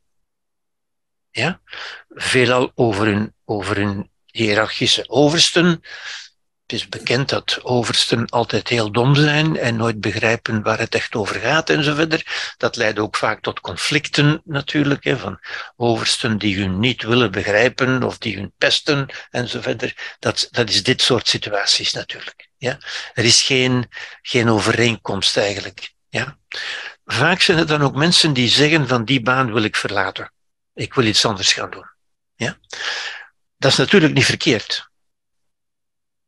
Maar ik zeg altijd tegen die mensen die, die dat dan zeggen, ik zoek die baan te verlaten, dan zeg ik oké, ik kan dat begrijpen natuurlijk. Ja? Dat is ook een, een, een eerste reactie, een spontane reactie, maar dan zeg ik ook altijd, vergeet niet dat je in een andere baan, dat het misschien nog erger kan zijn. Of dat je ook mensen in ieder geval zult tegenkomen waarmee je het niet eens bent, eventueel. Ja? En ik zou zeggen, die baan verlaten is maar één optie. Ja? Er zijn natuurlijk ook, wat ook kan voorkomen, hè, is mensen die zeggen van ik voel me daar niet goed in, maar ik kan die baan toch niet verlaten, want dat is zo'n zo'n zo'n goede baan. Het is een goede baan, maar ik voel me er toch niet, niet goed in.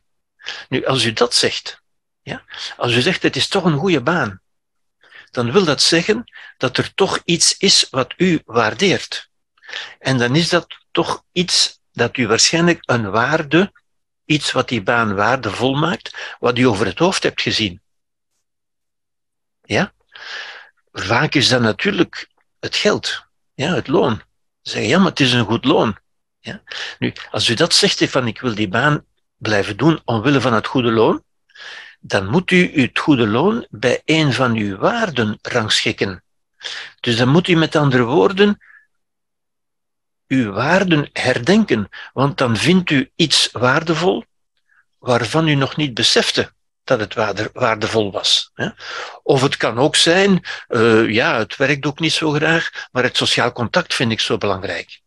Ziet u, dan is sociaal contact voor u een waarde die u meer naar boven zult moeten schuiven. Want dan zegt u, ja, ik wil dat toch blijven doen, want ik vind die waarde zo belangrijk. Begrijpt u? Ja? Dat is een tweede mogelijkheid. Ja? Een tweede mogelijkheid is dus van, te, van uw waarden nog eens te herdenken. Van ja, maar is dat wel zo? Zijn er geen waarden die ik vergeten ben, eventueel? Ja? Een derde mogelijkheid is van in die baan, als ik die baan heb, Tegenwoordig noemen ze dat een job natuurlijk, maar een job is iets voor een slaaf, zoals u weet. Ik spreek over een baan. Ja? Ehm, kan ik die baan niet anders invullen? Kan ik die niet zodanig gaan doen dat mijn waarden meer aan bod komen? Kan ik ze niet anders gaan invullen, met andere woorden? Ja? En ook dat is een nuttige manier van denken, zou ik zeggen. Ja? Want ik zeg, ik zeg ook altijd, ik denk het is ook de realiteit, er zijn in elke baan toch altijd meer mogelijkheden dan men aanvankelijk dacht. Als men dat eens nauwkeurig gaat bekijken, ja, als uw waarden u belangrijk zijn, want in principe zou ik zeggen, ja, zijn waarden niet belangrijk, niet, of niet, um, hangen niet af van een bepaalde rol of activiteit, maar wel van de manier waarop u die rol invult. Ja? Als u bijvoorbeeld, ik zou zeggen, creativiteit belangrijk vindt, dan kunt u, dat, dan kunt u die creativiteit gebruiken om uw rol om op een creatievere manier in te vullen, zou ik zeggen. Ja? En ook dat is een, een waardevol inzicht. Ja? Eigenlijk wat u bent, en wat u bent, dat zijn toch uw waarden. Ja? Wat u bent zijn ja, het belangrijkste wat u kunt zeggen. U bent uw waarden. Ja? En die, kunt u, die zijn in principe niet afhankelijk van, van uw rol of uw activiteit. Als dat voor u belangrijk is, ja, als rechtvaardigheid voor u belangrijk is, dat kunt u toch in elke rol binnenbrengen. Ja? Dus u kunt ook gaan zien, dus u ziet, in de, in de twee gevallen kunt u gaan nadenken. Hè? Zijn er geen waarden die ik vergeten ben of die ik moet herschikken, die ik anders moet schikken? Of zijn er geen rollen die ik anders kan invullen, die ik anders kan leren doen? Bijvoorbeeld. Ja? Bijvoorbeeld in elke rol, wat ook de materiële activiteit is. Hè? Zelfs als u, ik zou zeggen, uh, buschauffeur bent of, of, de, of de vuilnisbakken uh, ophaalt op straat. Ja? U hebt toch altijd ook te maken met mensen. Ja? En u kunt altijd menselijke waarden daarin inbrengen. Ja? En ik zie ook, en, Mia weet dat nog beter dan ik, hè, er zijn zo van die buschauffeurs waarvan je kunt zien dat, u, dat die hun rol op een heel menselijke, op een vriendelijke, op een waardevolle manier uitvoeren. Want eigenlijk alles wat je doet, alles wat je doet en alles waar je voor betaald wordt door de samenleving, dan moet je toch zeggen, als de samenleving ervoor betaalt, dan betekent dat toch iets. En dan zou ik dat toch ook op een andere manier kunnen invullen. En zou ik meer waardering en dus waarden kunnen vinden voor die rol. Ja? En ik denk, ik denk persoonlijk dat er inderdaad uh, buschauffeurs zijn die hun, hun rol op een waardevoller manier invullen dan sommige hoogleraren. Ja? Je zou kunnen zeggen, hoogleraar, dat is toch een, een, een, een hele mooie baan. Wel, er zijn mensen die daarin ongelukkig zijn. En er zijn mensen die gelukkig zijn in hun rol als buschauffeur. En dan ziet u, daar is die tabel heel belangrijk natuurlijk. Hè? Want als je gelukkig bent, wil dat zeggen dat, dat je waarden aan bod komen. Als je ongelukkig bent, wil dat zeggen dat je waarden niet aan bod komen. Ja? Het gaat altijd daarom. Het is altijd een, een vraag over waarden, eigenlijk. Ja? Ziet men dat?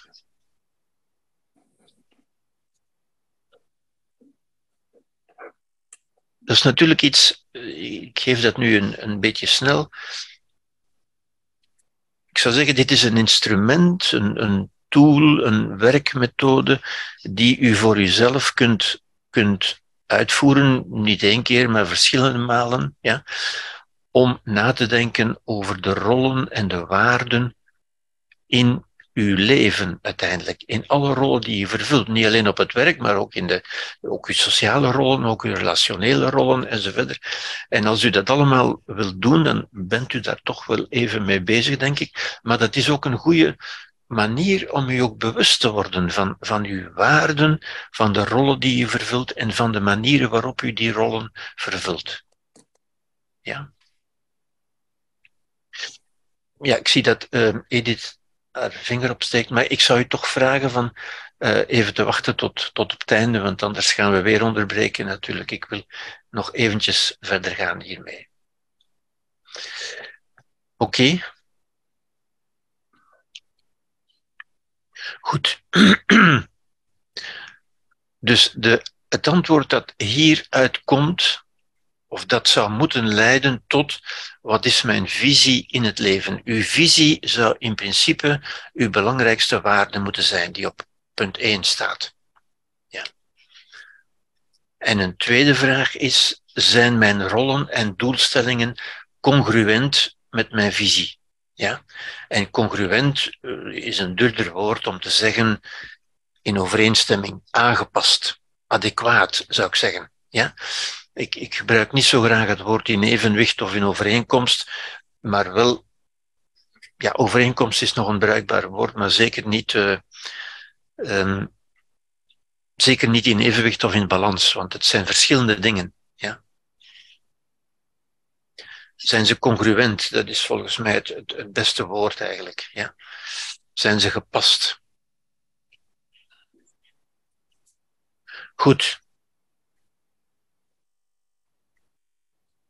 Hiermee zal ik dit stuk afsluiten en wil ik nog even voor de resterende tijd iets zeggen over morele oordelen, ook zo'n belangrijk punt natuurlijk. Want ook morele oordelen hebben te maken met emotie, met redelijkheid, met waarden ook en met, uh, en met de rollen die u te vervullen hebt, met, met doen, met act en alles wat u doet past in een bepaalde rol natuurlijk. Ja. En om dat aan te brengen, verwijs ik even naar David Hume, een van de grote filosofen uit de 18e eeuw, een verlichtingsfilosoof dus, ja, die zei en dat wil ik u dadelijk dan ook illustreren, die zei, emoties zijn fundamenteel voor moraal. En dat is meteen ook een antwoord op, op wat uh, Edith uh, daar straks vroeg. Ja. Emoties, maar geen sentimentaliteit, natuurlijk geen sentimentalisme, maar emoties. Waarom zijn emoties fundamenteel, zei hij. Dus emoties hebben we nodig. Emoties is eigenlijk onze motor, zou je kunnen zeggen, die we met de reden moeten sturen. Dus reden hebben we ook nodig om tot morele oordelen te kunnen komen. Ja? Waarom zijn emoties fundamenteel? Wel, omdat de reden, en vooral dan de wetenschap bedoelt hij hier, de, de, ja, de reden, de rationaliteit, is een beter woord misschien, kan alleen gaan over empirische waarheden. Dat zijn feitelijke uitspraken over wat er is. Ja? Dat is ook wat wetenschap doet. Wetenschap onderzoekt wat er is. Ja? En wetenschap um, ontdekt daarmee en geeft ons daarmee ook mogelijkheden om iets te doen. Ja? Maar wetenschap, de reden dus, kan ons niet zeggen, niet aangeven wat zou moeten zijn. En dat zijn juist de morele beslissingen. Ja? Om, het, om het duidelijk te maken, ik zou kunnen zeggen, um, wetenschap kan u zeggen hoe u metalen voorwerpen moet maken, de, de siderurgie, hoe je metaal kunt smelten en in vorm gieten en zo verder. Ja?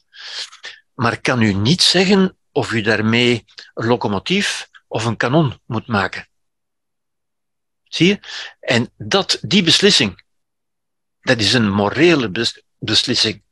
Dat is geen wetenschappelijke beslissing. En dan moet u weer nagaan, wat zijn mijn waarden? Wat wil ik maken? En dat kan wetenschap u niet zeggen. Wetenschap kan u zeggen hoe u iets kunt maken, maar niet wat, uh, waartoe u iets moet maken. Ja? Zoals ik ook vaak zeg, uh, wetenschap zegt hoe spieren werken, maar wetenschap zegt u niet wat u met uw spieren moet doen. U kunt met uw spieren oorlog maken of piano spelen. Ja? Wetenschap, um, Einstein bijvoorbeeld, E is mc kwadraat, een, een fantastische formule, zegt wat we kunnen doen, hoe we atoomenergie kunnen gebruiken, hoe we die kunnen begrijpen en dus gebruiken, dat is wetenschap. Maar wetenschap zegt niet of je een elektrische kerncentrale moet maken of een atoombom. Zie je, die twee zijn mogelijk. Wetenschap maakt dat mogelijk, maar zegt niet wat we daarmee moeten doen. En ziet u, dat zijn morele beslissingen. Wat is, met andere woorden, wat is het goede om te doen? Wat is het juiste? En dat is geen wetenschap. Daarover hebben we absoluut geen wetenschap. Dat is het domein van de menselijke vrijheid en dus ook van de menselijke redelijkheid en dus ook van de menselijke verantwoordelijkheid en moraliteit. En daarom zeg ik ook dat moraliteit een kwestie van redelijkheid is. Ja? Niet van, niet van goddelijkheid. God heeft ons geen uh, regels gegeven. Die, de regels van de mens zijn van de menselijke orde. En de menselijke reden volstaat om tot menselijke regels te komen, zoals Kant ons ook heeft gezegd. En de fundamentele regel die Kant heeft gegeven, is, ik heb hem dat straks al gegeven, ja, is dat je in principe wat jij doet, zou iedereen moeten kunnen doen. Daarom niet concreet, maar in principe. Ja? Zou dat goed zijn voor iedereen? Als iedereen locomotieven zou maken, ja, dat zou goed zijn. Er zouden te veel locomotieven zijn, maar in principe is dat goed. Ja? Als iedereen kanonnen zou maken, dat zou niet goed zijn. Ziet u? Ja? Die, die hele praktische regel van Kant eigenlijk. Ja? Die berust op de, op de menselijkheid, op gewoon nadenken, redelijkheid over wat de gevolgen zullen zijn. Ja? En dat kan wetenschap ons niet zeggen. Ja? Goed, dat zijn dus morele beslissingen. Waarom is bijvoorbeeld een moord verkeerd? Ja? Een moord is verkeerd, maar dat is geen wetenschap. De wetenschap kan ons dat niet aantonen waarom dat verkeerd zou zijn. Ja? Je kunt alleen zeggen, ja, als we dat zouden toelaten, dan ontstaat er chaos in de samenleving. Dat kunnen we dus niet toelaten. Ja? Dat is moreel verkeerd. De mores. De mores is het handelen. Ja? Les mœurs in het Frans. Ja? Dat is een verkeerd handelen. Dat kunnen we niet toelaten. Dat mogen we niet toelaten uit redelijke overwegingen. Niet omdat God dat zegt of, of, of wie dan ook, maar omdat het redelijkerwijze dat je inziet, dat kunnen we niet toelaten. Ja? Waarom is diefstal verkeerd? Om dezelfde reden. Ja? Kan iedereen dat doen? Mag ik stelen? Ja? Wel, als ik mag stelen, dan mag iedereen stelen. Ja? Kunnen we dat toelaten? Nee, dat kunnen we niet toelaten. En ziet u, dat is gewoon redelijkheid. Ja? Om tot een leefbare, beschaafde samenleving te komen. Ja? Waarom mag men de staart van een kat niet in brand steken? Dat is natuurlijk ook geen wetenschappelijke. Ja? Er is geen enkele wetenschap die daar antwoord kan op geven. Ja? Dat is een morele. Ja? Omdat wij, en wij denken na, onze redelijkheid zegt, ja, maar daarmee veroorzaak ik lijden. En lijden veroorzaken is niet moreel verantwoord. Ja? Want die kat heeft ook een wil tot leven en tot goed leven. Dus ik moet daartoe bijdragen. Het goede is wat bijdraagt aan het goede leven. Ja? Zonder emotie is er dus geen oordeel. Ziet u, dit, dit zijn oordelen. Hè? Dus we kunnen ook niet zonder oordelen natuurlijk. Hè? Ik, ik hoop dat u dat begrijpt. Hè? Er zijn mensen die naïefweg zeggen van, van ja, maar de Boeddha zegt toch dat we niet zouden moeten, mogen oordelen. Dat is natuurlijk niet waar. Ja? We mogen of we moeten niet veroordelen. Maar oordelen of iets goed of niet goed is. Hè? Het achtvoudige pad van de Boeddha zegt ook het juiste denken, het juiste spreken en zo verder. Als je dat juist noemt, dan is dat een oordeel. Ja? Als je dat juist noemt, staat dat tegenover verkeerd. En juist en verkeerd zijn oordelen. En geen, ik hoop dat dat, dat dat kristalhelder is voor u, geen wetenschappelijke uitspraken. De wetenschap kan ons daar niet bij helpen. Daarom gaat het ook over levenskunst, dat is een kunst en geen wetenschap. De wetenschap is buitengewoon belangrijk, maar niet om ons te zeggen hoe we kunnen leven. Daarvoor hebben we dit soort morele oordelen nodig. Ja? Zonder emotie geen oordeel, dat zijn de zogenaamde psychopaten. Ik zeg zogenaamd, omdat daar discussie over bestaat, of dat echt bestaat of niet. Hè. Maar goed, wat men psychopaten noemt, zal ik zeggen, ja, we zouden beter zeggen mensen met psychopathische trekken natuurlijk, ja, zijn mensen die zogezegd geen emotie hebben. Dat is ook niet waar, dat klopt ook niet. En, maar die dus wel dingen doen waarvan de meeste mensen zullen zeggen van dat, dat kan toch niet. Dat is toch niet. Hè? Ik zou dat eerder immaturiteit noemen, kinderlijkheid. Kinderen steken de staart van een, van een kat in brand en trekken de pootjes van insecten uit. Ja. Waarom is dat verkeerd, de poten van insecten uittrekken? Om dezelfde reden. Omdat we daardoor lijden veroorzaken. Ja? En dat kunnen we niet goed vinden. Dat is niet het goede om te doen. Ja? Emoties confronteren ons met onze vrijheid. En daar ga ik dadelijk op terugkomen. Ja? Want die emoties zijn, dus emoties zijn noodzakelijk, hè, antwoord op, op, uh, op Edith, ja. Ook volwassenen hebben emoties nodig om ons in te leven. Ja? Dat we zeggen ons voor te stellen dat de ander zou kunnen lijden, bijvoorbeeld. En dat weten we omdat we zelf zouden lijden. Ja? kunnen ons voorstellen, ik zou dat zelf niet willen, want ik zou eronder lijden. Wel, dan zal de ander ook lijden.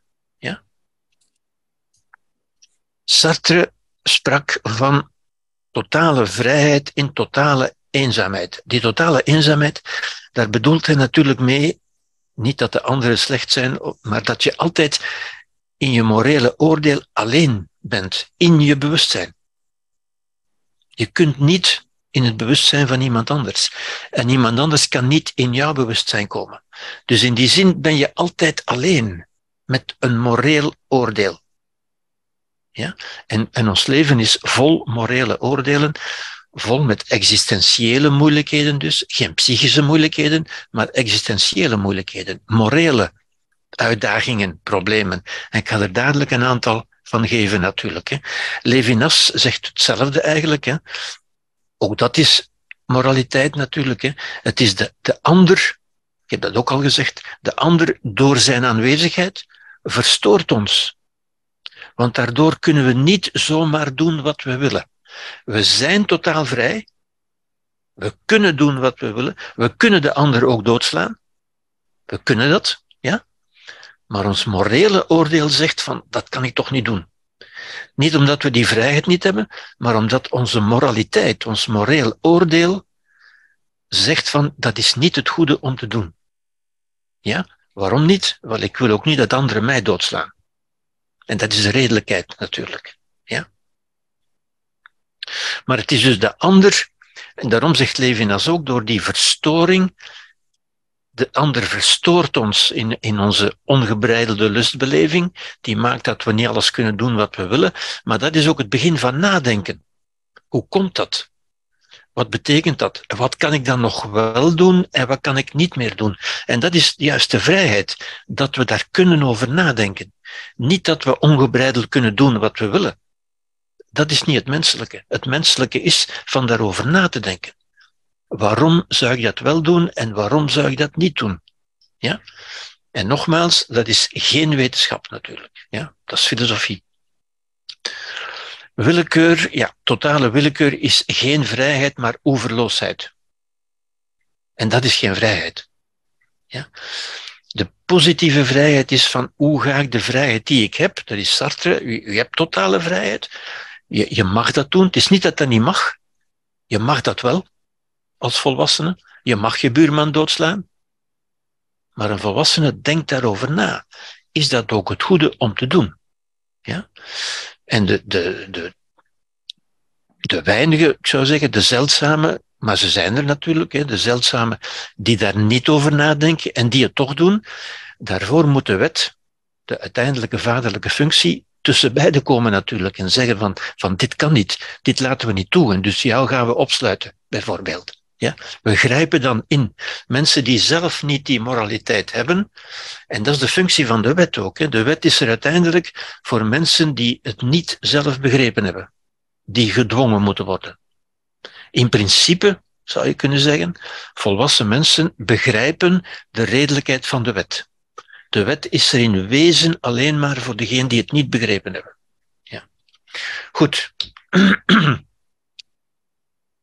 Daniel Kahneman, uh, ja, hier ga ik een beetje snel overheen. ik ga daar niet te veel over uitleggen, sprak ook over die twee functies in ons eigenlijk. Hè. We kunnen dat ook functies noemen. Die emotionele functie, die ook, en dat is het inzicht van Daniel Kahneman, ook psycholoog die nog altijd leeft trouwens. Ja, hij is nu wel oud. um, die noemt emoties onze eerste vorm van denken. Ik heb dat ook al verschillende keren gezegd natuurlijk. Emoties zijn ook denken en zijn ook oordelen. Maar zijn snelle, onbewuste oordelen. Ja? Emotioneel beslissen wij ook, maken wij ook een keuze van dit is fijn of dit is niet fijn. Dat is alleen een keuze die emotioneel is, die niet beredeneerd is. Ja? Die ook snel komt. Ja? Of we iemand sympathiek of niet sympathiek vinden, dat gaat snel. Of we voedsel fijn vinden of niet fijn, enzovoort. Dat zijn de snelle oordelen. Systeem 2 is het langzame, het bewuste denken. En dat zijn juist de waarden. Dat is juist de redelijkheid. En dan ziet u dat dat gewoon twee evolutionair verschillend geëvolueerde systemen zijn, maar die niet fundamenteel anders zijn. Het zijn allebei vormen van denken. Dat we zeggen van informatieverwerking. Ja. En dan komen we aan die fameuze trolley-experimenten. En dat zijn beroemde experimenten, nu gaat u ook in, in vele boeken kunnen terugvinden natuurlijk, waarmee men juist wil aantonen dat uh, de moeilijkheid van morele oordelen, maar ook het samenspel van reden en emotie in die morele oordelen. Ja. De trolley-experimenten, een trolley um, is het woord voor, voor een, een trein of een tram, laten we zeggen. Iets wat op sporen rijdt en wat in de stad rijdt of, of elders, een, een tram of een, of een trein, zeg maar. Ja? En het eerste experiment is dit. Het zijn natuurlijk gedachte-experimenten. Dingen die u zich moet voorstellen. Geen experimenten die we in levende toestand gaan doen, natuurlijk. Hè? Ja? Dit is een experiment. Hier komt eh, wat we ons kunnen voorstellen. Hier komt een trolley aan. Ja. En die trolley die kan ofwel rechtdoor rijden, maar hier staat uw nieuwe Tesla. Dus als die rechtdoor rijdt, dan, dan rijdt u uw Tesla in de prak. Ja. Maar u staat, u staat hier, dit zijn wij. En wij hebben die hefboom in de hand. En die hefboom is, die bedient die wissel hier. En als we die hefboom omleggen, dan wordt die wissel omgelegd en dan rijdt die tram naar daar. Maar daar ligt een man en die man zal dan overreden worden. Ja? Ziet u, dat is nu echt een moreel, een moreel probleem, zou je kunnen zeggen. Hè? Dit zijn wij. De vraag is, wat ga je doen? Wij staan hier, we zien die trolley aankomen. Hier staat uw nieuwe Tesla. Hier ligt uw buurman wat gaat u doen? Ja, dat is echt. U, u, u snapt zo, dat is geen wetenschap die dat voor u kan oplossen. Hè? Dat is onoplosbaar. Ja? Dat is echt moreel en u moet dat ook vrij snel doen, natuurlijk. Hè? U, moet, u moet beslissen. U kunt niet niet beslissen. Ook dat is fundamenteel. Want niets doen is ook iets doen. Ja? U moet kiezen. Nu, als, als men dit, en dat is natuurlijk dit, dit eenvoudige dood eenvoudige gedachte-experimenten wordt natuurlijk niet in het echt gedaan, ja, maar wordt wel voorgelegd aan mensen, aan groepen van mensen, waarvan men dan zegt, wat zou je doen? Ja, nu, het, het zal evident zijn natuurlijk in dit experiment. um, ja, hier is het duidelijk natuurlijk, de meeste mensen gaan zeggen, ja, laat het dan maar op mijn Tesla rijden, op mijn auto. Ja? Want anders ben ik een moordenaar, natuurlijk. Ja? Nu, het, het, merkwaardige is, de meeste mensen gaan die keuze maken. Dat zie je ook in, in als men dat aan groepen, aan, collegezalen met studenten en zo voorlegt. En de, de meeste mensen zeggen, ja natuurlijk eh, ga ik dat op, op mijn auto. Ja?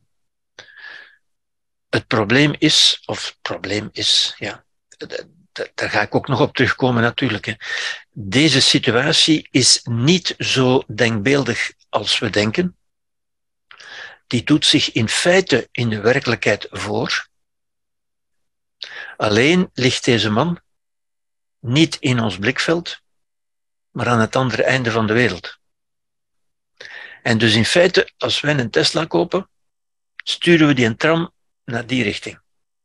Er zijn mensen die sterven, bij wijze van spreken, omdat wij een Tesla kopen. Ja? Alleen zien we die niet. En dat is het probleem. En daar kom ik ook nog op terug. In, in deze omstandigheden, als je dat ziet, is dat eenvoudig.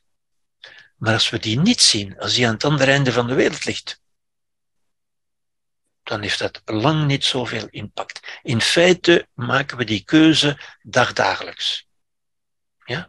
We zien bijvoorbeeld, en ik, ik, ik kan niet anders dan daaraan denken, als ik nu naar televisie kijk en je ziet de ramp in Oekraïne, maar ook de ramp in Syrië en in Turkije, terwijl toch mensen hier met de voetbal bezig zijn en met, en met de hockey en met, en met hun skivakantie en of er wel genoeg ski of die wel van goede kwaliteit is, dan zeg je toch, hoe is, hoe is dat nu mogelijk?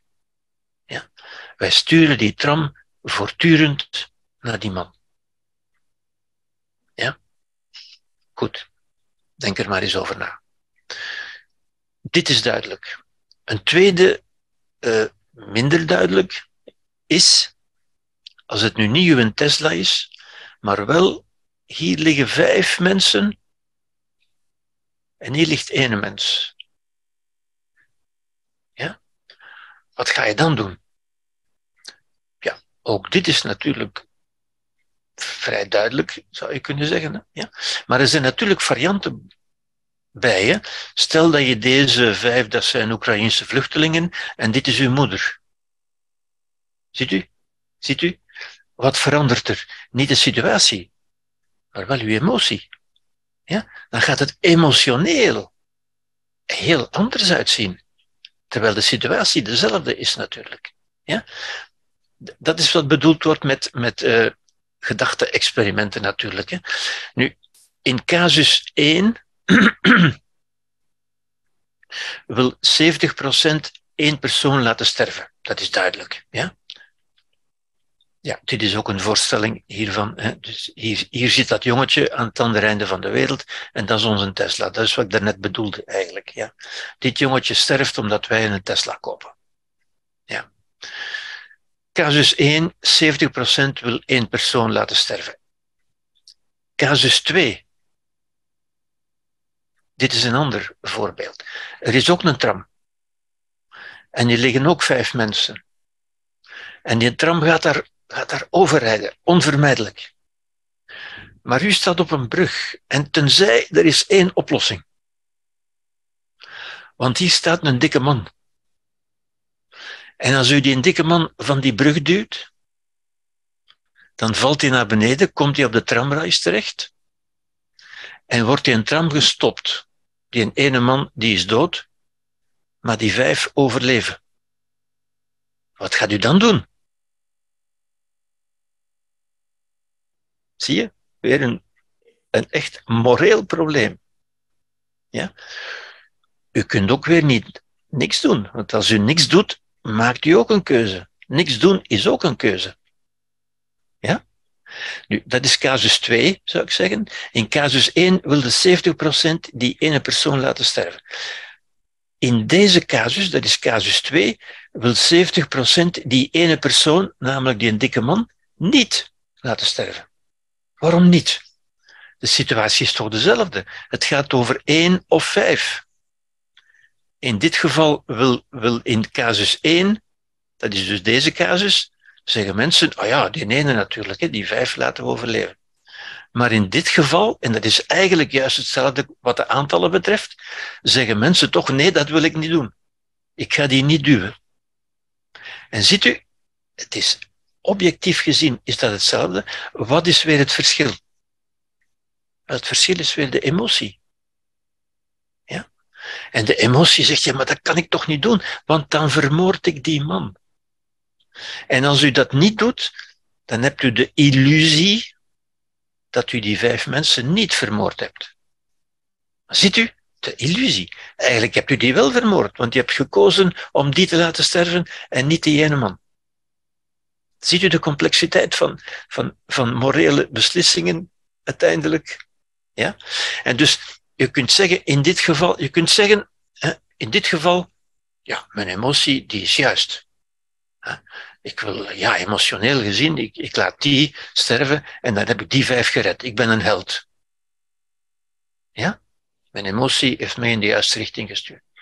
Maar in dit geval zeg ik, nee, ik wil dat niet doen. Dat is emotioneel. Nee, nee, want dan ben ik een moordenaar. Is dat ook de juiste beslissing? Ik zou zeggen nee. Nee. Objectief gezien is dat niet de juiste beslissing. Dat is de emotioneel verkieslijke beslissing, maar dat is objectief niet de juiste beslissing. Want u laat vijf mensen sterven om er ene te sparen. Maar dat is, ziet u, dat is een emotie. Dus in dit geval zit onze emotie in de weg van de juiste beslissing. De moreel juiste beslissing. Dus ziet u hoe, ja, hoe we daar zorgvuldig moeten over nadenken. Hè? Want u, emoties zijn nodig, inderdaad. Ja? Maar ook niet zonder redelijkheid. Want hier, in dit geval, wijst de redelijke beslissing, de rationele benadering van systeem 2, van casus 2, is juist. Dat is juist. Juist in de zin van moreel beter, moreel verkieslijker. Het is moreel beter, je, je kunt niet niets doen. Het is moreel verkieslijker van één persoon te laten sterven dan van vijf personen te laten sterven. Ja? Maar uw emoties maken dat onmogelijk. Of, of maken het moeilijk in ieder geval. Ja? Dus de emotie, het snelle denken, verzet zich ertegen. U ervaart die, die afkeer, van die, die onwil van nee, ik, ik wil dat niet doen.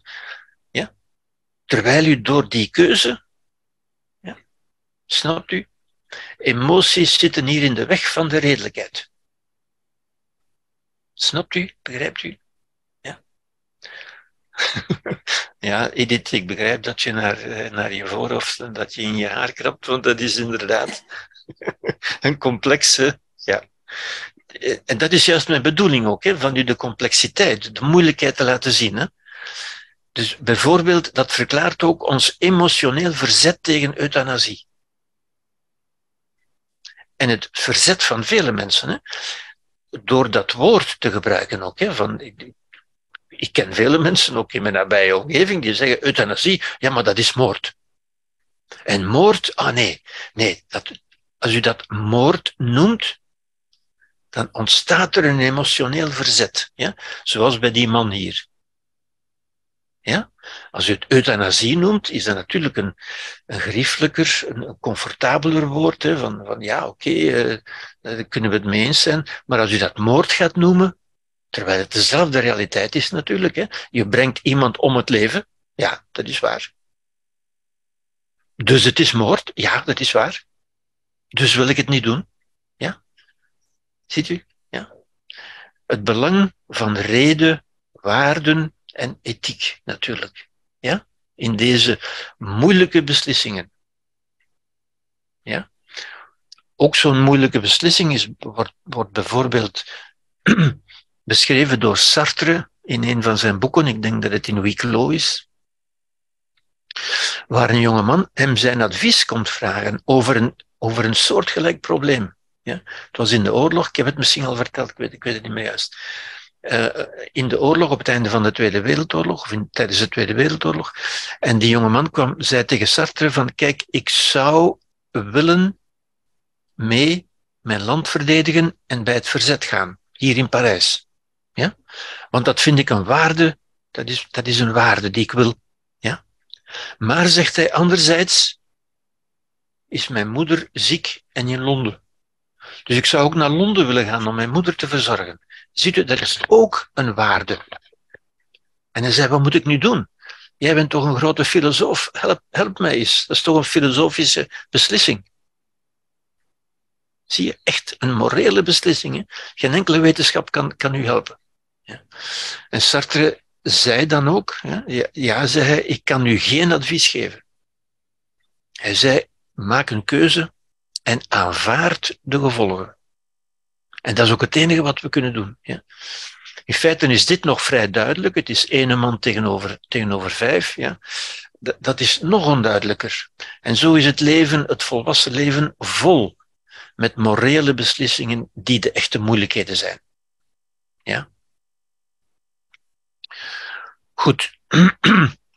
Jonathan Heet, sociaal psycholoog, de man leeft ook nog, een interessant man, sprak van, gaf het voorbeeld van veilige seks tussen broer en zus.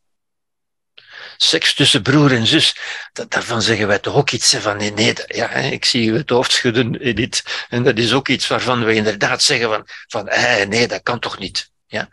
En als u er concreet aan denkt, de meeste mensen van seks hebben met, met uw eigen broer of uw eigen zus, dan zeggen mensen, oh nee. Ja?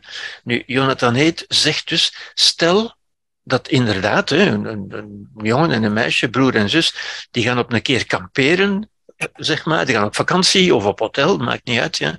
En ze zeggen tegen elkaar, tja, heb jij al seks gehad? Uh, nee, nog niet. Uh, zullen we dat eens proberen? En ze nemen dus veilige voor, uh, voorzorgsmaatregelen, conceptie, anticonceptie. Ja? Wel, dan kun je redelijkerwijze geen argument bedenken waarom ze dat niet zouden mogen doen. Maar toch is dat weer emotioneel, die, die afkeer van nee, dat kan toch niet. Dat doe je toch niet. Ja? Emotie. Ja? De gut reaction, noemt, uh, noemt Jonathan Haidt dat. Hè? Dat kan toch niet, dat is walgelijk, dat is disgusting. Dat is disgusting, noemt hij dat. Ja?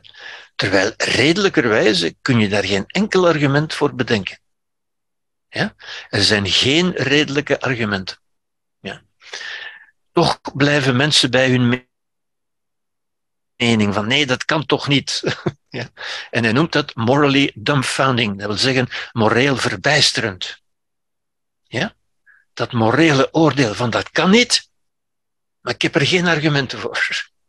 En het feit dat mensen zonder argumenten toch bij hun mening blijven, ja, dat hebben we ook vaak gezien natuurlijk in, in, de, in de voorbije tijd. We, zien dat voortdurend, zo'n dingen. Hè. Dat is morally dumbfounding, noemt hij dat. Moreel verbijsterend. Ja? Op grond van emotie, het snelle denken, ja? vele emoties kunnen niet verklaard worden. U kunt dat niet verklaren. Dat geldt ook voor wrok, voor zinnen op wraak bijvoorbeeld. Wraak nemen, dat vinden mensen ook zo. Het, het feit dat je wil, de wrok, het feit dat je wil dat de ander gestraft wordt, dat die ook lijdt, met andere woorden. Ja? En dat men zelfs tegenwoordig aan, aan, aan de zogenaamde slachtoffers, de, laten we zeggen de overlevenden, gaan vragen of ze, of ze er wel kunnen mee leven, of de ander wel voldoende gestraft is. Maar die strafobsessie is ook morally dumbfounding. Daar is redelijkerwijze geen enkel argument voor. Soms natuurlijk wel in termen van bescherming van de samenleving. Ik weet dat wel, er zijn, er zijn bepaalde argumenten voor. Maar van de betrokkenen, dat die willen dat de ander lijdt. En dat die bijvoorbeeld zeggen, nee, een doodstraf, dat zou veel te zacht zijn, hij moet levenslang gevangen zitten. Ja? Ook dat is morally dumbfounding. Je kunt dat moreel niet rechtvaardigen. Ja? Dure advocaten spelen daar natuurlijk op. Hè? Van, van, van, uh, die zeggen dan, ja, nu, nu de dader gestraft is, nu kan mijn, uh, mijn cliënt met zijn verwerking beginnen, bijvoorbeeld. Wat, wat, wat, wat onzin is natuurlijk, hè? Maar, maar goed, dat is een ander punt. Maar ook dat is een emotie die, die eigenlijk redelijkerwijze niet verklaard kan worden. Ja? Vele emoties wel, maar sommige ook niet. Ziet u? Ja? Vele religieuze regels en taboes hè, kunnen ook niet verklaard worden. Ja? Walging volstaat niet om iets slecht te noemen. Het feit dat we daarvan walgen, dat geldt bijvoorbeeld ook voor, voor uh, homofilie, voor het, uh, voor het uh, same-sex marriage, voor het, het homohuwelijk bijvoorbeeld. Hè. Vele mensen walgen daarvan. Hè. Ja? hoe, kan dat nu? Twee mannen die seks hebben. Disgusting. Ja, dat, dat is de gut reaction. Ja? Die je dus ook niet kunt uitroeien. Want die genetisch ingeprogrammeerd is, dat is onze emotionele reactie. ja, die natuurlijk die we genetisch kunnen verklaren, evolutionair kunnen verklaren. Ja? Niet redelijk. Redelijk is daar geen enkel argument tegen. En dus hebben vele samenlevingen ook ingezien van, ja, we moeten dat toelaten. We moeten dat normaliseren, we moeten dat socialiseren, we moeten dat legaliseren. Ja? Maar je weet, de samenleving, islamsamenlevingen bijvoorbeeld, wordt dat zwaar bestraft, zwaar, zwaar gesanctioneerd. Homofilie, homoseksualiteit bijvoorbeeld. Om emotionele redenen. Dat, dat, men noemt dat religieuze redenen, maar dat zijn gewoon emotionele redenen natuurlijk. Er zijn geen redelijke redenen. Ja? Ook al vinden, ook bij ons, vinden vele mensen, men durft dat nu niet meer zeggen natuurlijk, maar ik, ik weet goed genoeg dat vele mensen dat, dat disgusting vinden. Ja? Ook mannen die, met, mannen die hand in hand op straat lopen. Ja? Waarom worden die in, in Brussel, in bepaalde wijken bijvoorbeeld, uh, uitgestoten of, of beschimpt of, of, of, of geagresseerd? Wel, omdat men dat, omdat men dat emotioneel disgusting vindt, tot gewoon. En dat is die gut, die, die, die buikreactie van, van, van eh, dat is vies, dat kan niet, enzovoort. Ja? Oké. Okay. Um, wij zijn nooit geselecteerd geweest, dus dat is de evolutionaire verklaring natuurlijk. Hè. Wij zijn nooit geselecteerd geweest, we hebben dus evolutionair niet overleefd door onze reden, maar door onze emoties. Daarom zijn emoties ook zo, zo diep en zo krachtig ingeprogrammeerd en zullen we die nooit wegkrijgen. De redelijkheid kunnen we makkelijk veranderen door na te denken, door met mensen te spreken en zo verder. Maar die emoties kun je niet makkelijk veranderen. Ja? We kunnen die wel redelijkerwijze sturen, maar ze niet, we kunnen ze niet doen verdwijnen. Ja?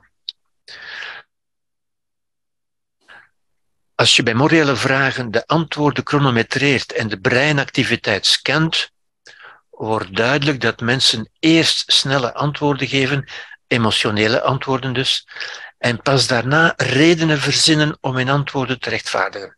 Dat is wat de islam doet. Het is verboden omdat God het verboden heeft. Eigenlijk is het door hun emotie, natuurlijk, ja? maar God heeft het verboden. Dat is een zogezegd redelijkheid, een religieuze uh, verklaring. Ja? Maar emoties kunnen morele oordelen niet rechtvaardigen. Dat, moeten we, dat is moreel sentimentalisme. Ja? Dus die emotionaliteit, als we die naar de, naar de moraliteit overbrengen, als we zeggen het, homo, het homohuwelijk kan niet, want dat is fysiek wallig daarvan, dat is moreel sentimentalisme. Dat is je emoties de overhand geven. Je emoties beschouwen als een reden om het moreel te veroordelen. Dat is moreel sentimentalisme. Ja? We kunnen alleen door een rationele analyse door te zeggen van waarom zou dat niet mogen? Het is niet omdat ik het, hè, dat staat daar ook, het is niet omdat ik het vies vind, omdat ik ervan walg, dat ik het recht heb om te zeggen, niemand mag dat doen, want ik walg ervan. Ja? Paul Bloem, op grond daarvan heeft Paul Bloem, nog een jonge, vrij jonge uh, psycholoog, uh, moreel psycholoog noemt hij zich, heeft dat fameuze boek geschreven Against Empathy, tegen empathie. Toch wel merkwaardig, hè? want empathie beschouwen we normaal als een wenselijke emotie, als een wenselijke waarde ook. Ja.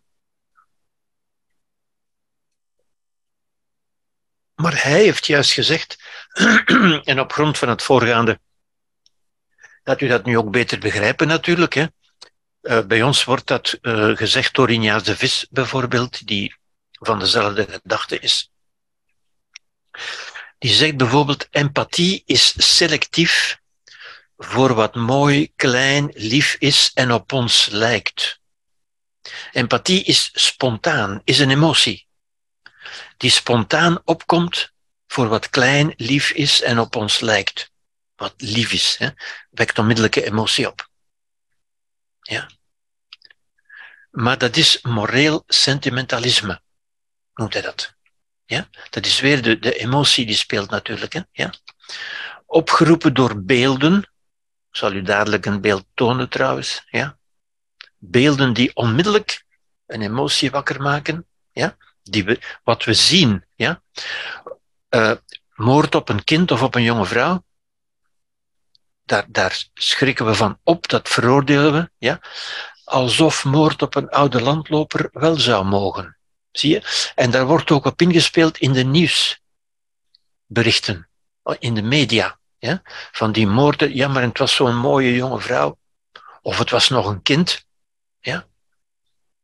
Maar moord op een oude landloper is evenzeer moord. Ja? Maar emotioneel doet ons dat minder. Ja?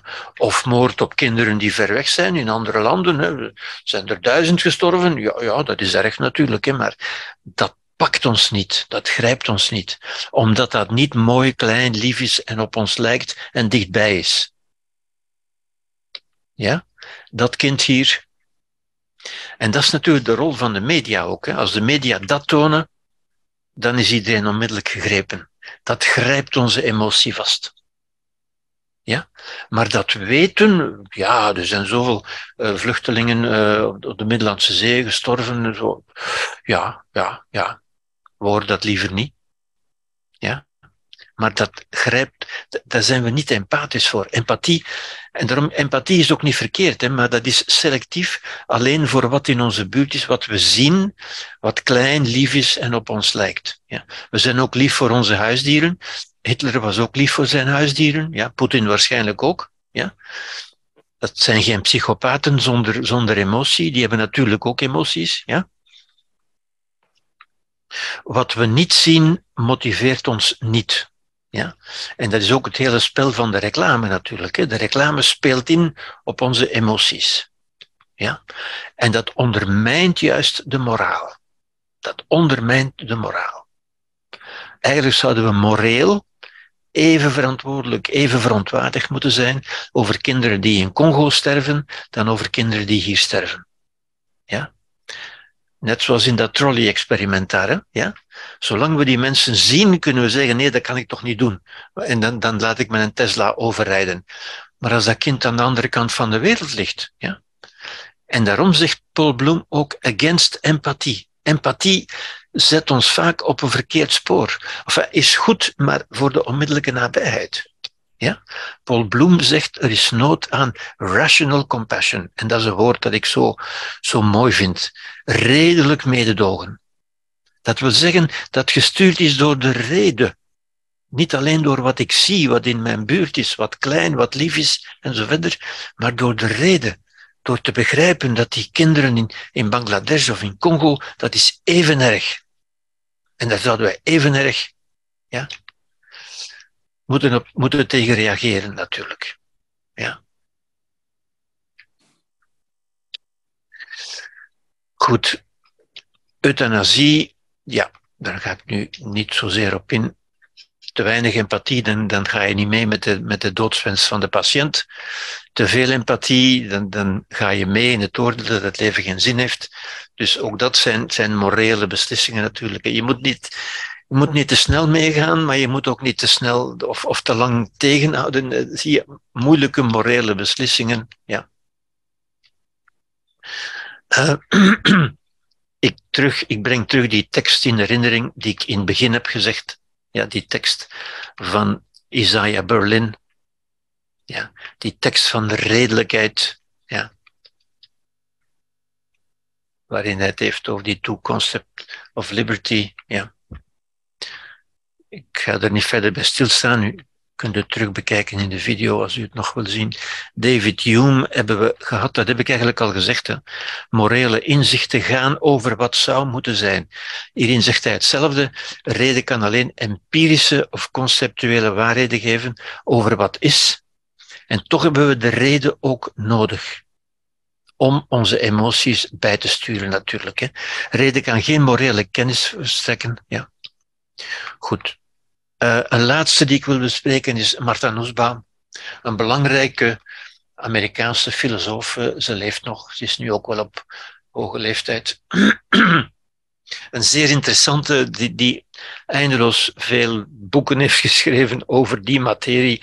Veel ook over Aristoteles, want dat zijn dingen waar ook Aristoteles en Plato en Socrates mee bezig waren natuurlijk. En ook de, de latere Stoïcijnen, ook Epictetus en Cicero en zo verder, zijn daar zeer veel mee bezig geweest met, met, zie je, met die vrijheid en die moraliteit. Ja. Hoogleraar recht en ethiek in de Universiteit van Chicago. Ze zegt morele oordelen, dus die morele, ja, moeten bevestigd worden door een conceptuele analyse. Een analyse van waarden, niet door psychologie, maar door filosofie. Bijvoorbeeld een moreel oordeel is van um, een homohuwelijk, dat dat is verboden, dat is tegen natuur, dat is vies, dat mag niet gebeuren. Dat is een moreel oordeel. Maar zij zegt, die morele oordelen moeten bevestigd worden door een conceptuele analyse, een redelijke analyse. Je mag dat niet zomaar, dat, dat komt emotioneel in ons op. Dat mogen we niet zomaar klakkeloos toepassen. Dat moet bevestigd worden door een conceptuele analyse. Een analyse van waarden, dat we zeggen, wat is de redelijkheid hiervan? Waarom zou ik dat?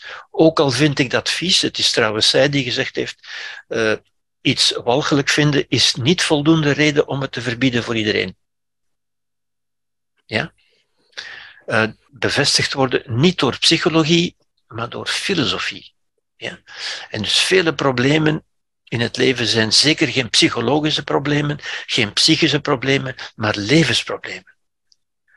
En mensen hebben het daar moeilijk mee, maar dit is niet omdat het moeilijk is dat het een stoornis wordt. Ja? Afkeer volstaat niet om iets slecht te noemen. Bijvoorbeeld homoseksuelen, we hebben het erover gehad. Ja. Bijvoorbeeld veilige seks tussen broer en zus, daar heb ik het ook over gehad, inderdaad. Dus daarvoor zijn er, er zijn geen tegenargumenten voor, maar het blijft disgusting. Ja, dat heb ik dus ook besproken bij uh, Nathaniel heet. Oké, hier ga ik het bij laten. Paul Bloem, ja, ik heb hem al besproken, inderdaad. Ja, uh, dit, ja, ik heb het een beetje dubbel gedaan hier. Dit is weer dat beeld. Dat is empathie natuurlijk. Hè. Dat, dat wekt onmiddellijk empathie op. Ja. Maar geraakt zijn is gemakkelijk, dat is sentimentalisme. Ja? Zoals we geraakt worden door dingen op tv. Ja? Maar we worden niet geraakt door wat we niet zien. En dat is het, het tekort aan empathie. Dat is het, het nadeel of het gebrek, maar dat is inherent aan empathie. Empathie wordt opgewekt door wat we onmiddellijk zien in onze buurt, ja. Terwijl we redelijke empathie, rational compassion, is door, door wat we redelijk kunnen ja, dus dat is empathie uitbreiden door redelijkheid. Ja. Rational compassion of cognitive empathy noemt men dat soms ook. Ja. Redelijkheid en moraal zijn universeel, dat is de categorische imperatief van Kant. Ja. Als u het wil nagaan, kunt u altijd vragen, zou iedereen dat kunnen doen? Zou dat een goede wereld zijn als iedereen dat zou doen? Dat is de categorische imperatief van Kant. Ja. Goed, Um, ik zie hier, ja, van Edith Katri natuurlijk. Hè. Vader moet gehaat kunnen worden. Dat is natuurlijk een beetje overdreven, natuurlijk. Hè. Maar dat is zoals kinderen dat soms zeggen. Hè. Kinderen kunnen zeggen van ik haat u. Wel, een vader moet daar tegen kunnen, zou ik zeggen. Ja. Een moeder kan dat moeilijk uh, of minder gemakkelijk verdragen, zou ik zeggen. En moeders vinden dat, dan wordt het moederhart gekwetst, zo, zo gezegd. Hè. Maar een vader moet daar tegen kunnen. Ja. Um, wanneer de ouders oud zijn, letterlijk is de zorg van het kind inderdaad. Ja. Als ze echt zorgbehoevend zijn, maar dat is natuurlijk anders. Dat is niet meer tijdens de opvoeding. Dat is een latere fase natuurlijk. Hè. Ja. Goed. Aanvaarden wat men niet begrijpt kan leiden tot gedupeerd worden, maar dat is nog iets anders natuurlijk. Ja. Inderdaad, dat, dat is waar hoor. En daarom moeten we ook altijd kritisch denken ja, en daarom kunnen we nooit algemeen geldende regels opstellen. Ja, het, het leven, dat maakt het leven ook juist moeilijk en tegelijk ook boeiend natuurlijk. Hè. Het leven is niet het oplossen van een wiskundige vergelijking waar je één bepaalde oplossing krijgt. Het is inderdaad zo. Het is altijd in, in moeilijke gevallen, en ik zal er dadelijk ook een aantal geven, is in, zeker in morele vragen, zoals dit er ook zijn, die over waarden gaan, ja, is dat een, een afweging die niet, niet gemakkelijk is en die, ja, die dus moeilijk is. Dat is waar. Ja. Je, je kunt natuurlijk geen vervangende, inderdaad, dat is Anne van Leuven, je kunt natuurlijk geen vervangende vaderlijke functie opnemen als je er weinig bewust van bent. Ja? En, en daarom is het juist belangrijk van te beseffen dat dat een belangrijke functie is die nodig is. Ja. Ik stel vast dat met goede bedoeling op school vaak juffen extra moederlijke functie geven. Inderdaad, ja. Want dat is het heersende discours. Het, het, het maatschappelijke klimaat is een beetje gedomineerd door, door die moederlijke functie, door die zorgfunctie. Die niet verkeerd is, die niet slecht is, hè, versta me niet verkeerd, maar die niet in, in balans, in evenwicht wordt gehouden door evenveel vaderlijke functie. Ja. Ook het onderwijs trouwens vervrouwelijkt grotendeels, ook het medische beroep, ook het gerecht overigens. Ja. Vele magistraten en advocaten worden meer en meer vrouwen natuurlijk. Dat is niet tegen vrouwen, ja. maar ook in de samenleving zou een, een, toch een evenwicht moeten bestaan. Evenwicht is een moeilijk woord natuurlijk, hè, maar zou evenveel het is niet zo dat dat, dat dat in evenwicht moet zijn. Ja. Zoals het ook niet zo is dat u in, in uw auto, uw moeder, uw, uw, pardon, uw motor en uw stuurwiel in evenwicht moeten zijn. Er is geen evenwicht. Het zijn twee verschillende dingen die u allebei voor 100% nodig hebt. En ik zou zeggen, we hebben voor 100% moederlijke functie nodig en voor 100% vaderlijke functie. Het idee van evenwicht is geen goed idee. Die, die moeten elkaar niet in evenwicht houden. Die moeten allebei zoveel mogelijk aanwezig zijn, zou ik zeggen. Ja. Oké. Zijn er nog vragen misschien hier? Korte vragen mag u nu stellen. Meer uh, inhoudelijke vragen zou ik liever op het einde behandeld zien. Edith, ja? Um, Herbert, ik vind het vreemd dat u uh, als waarde aangeeft de emotionaliteit. Ik ja. dacht dus dat emotionaliteit niks te maken had met volwassenheid. Oh, dat heb ik zeker niet gezegd. Ah, dat is zeker niet zo. Volwassenen hebben zeker emoties, natuurlijk. Natuurlijk. En in een, in een romantische visie wordt veel belang gehecht aan emotionaliteit. En dat is op zich ook niet verkeerd. Ja?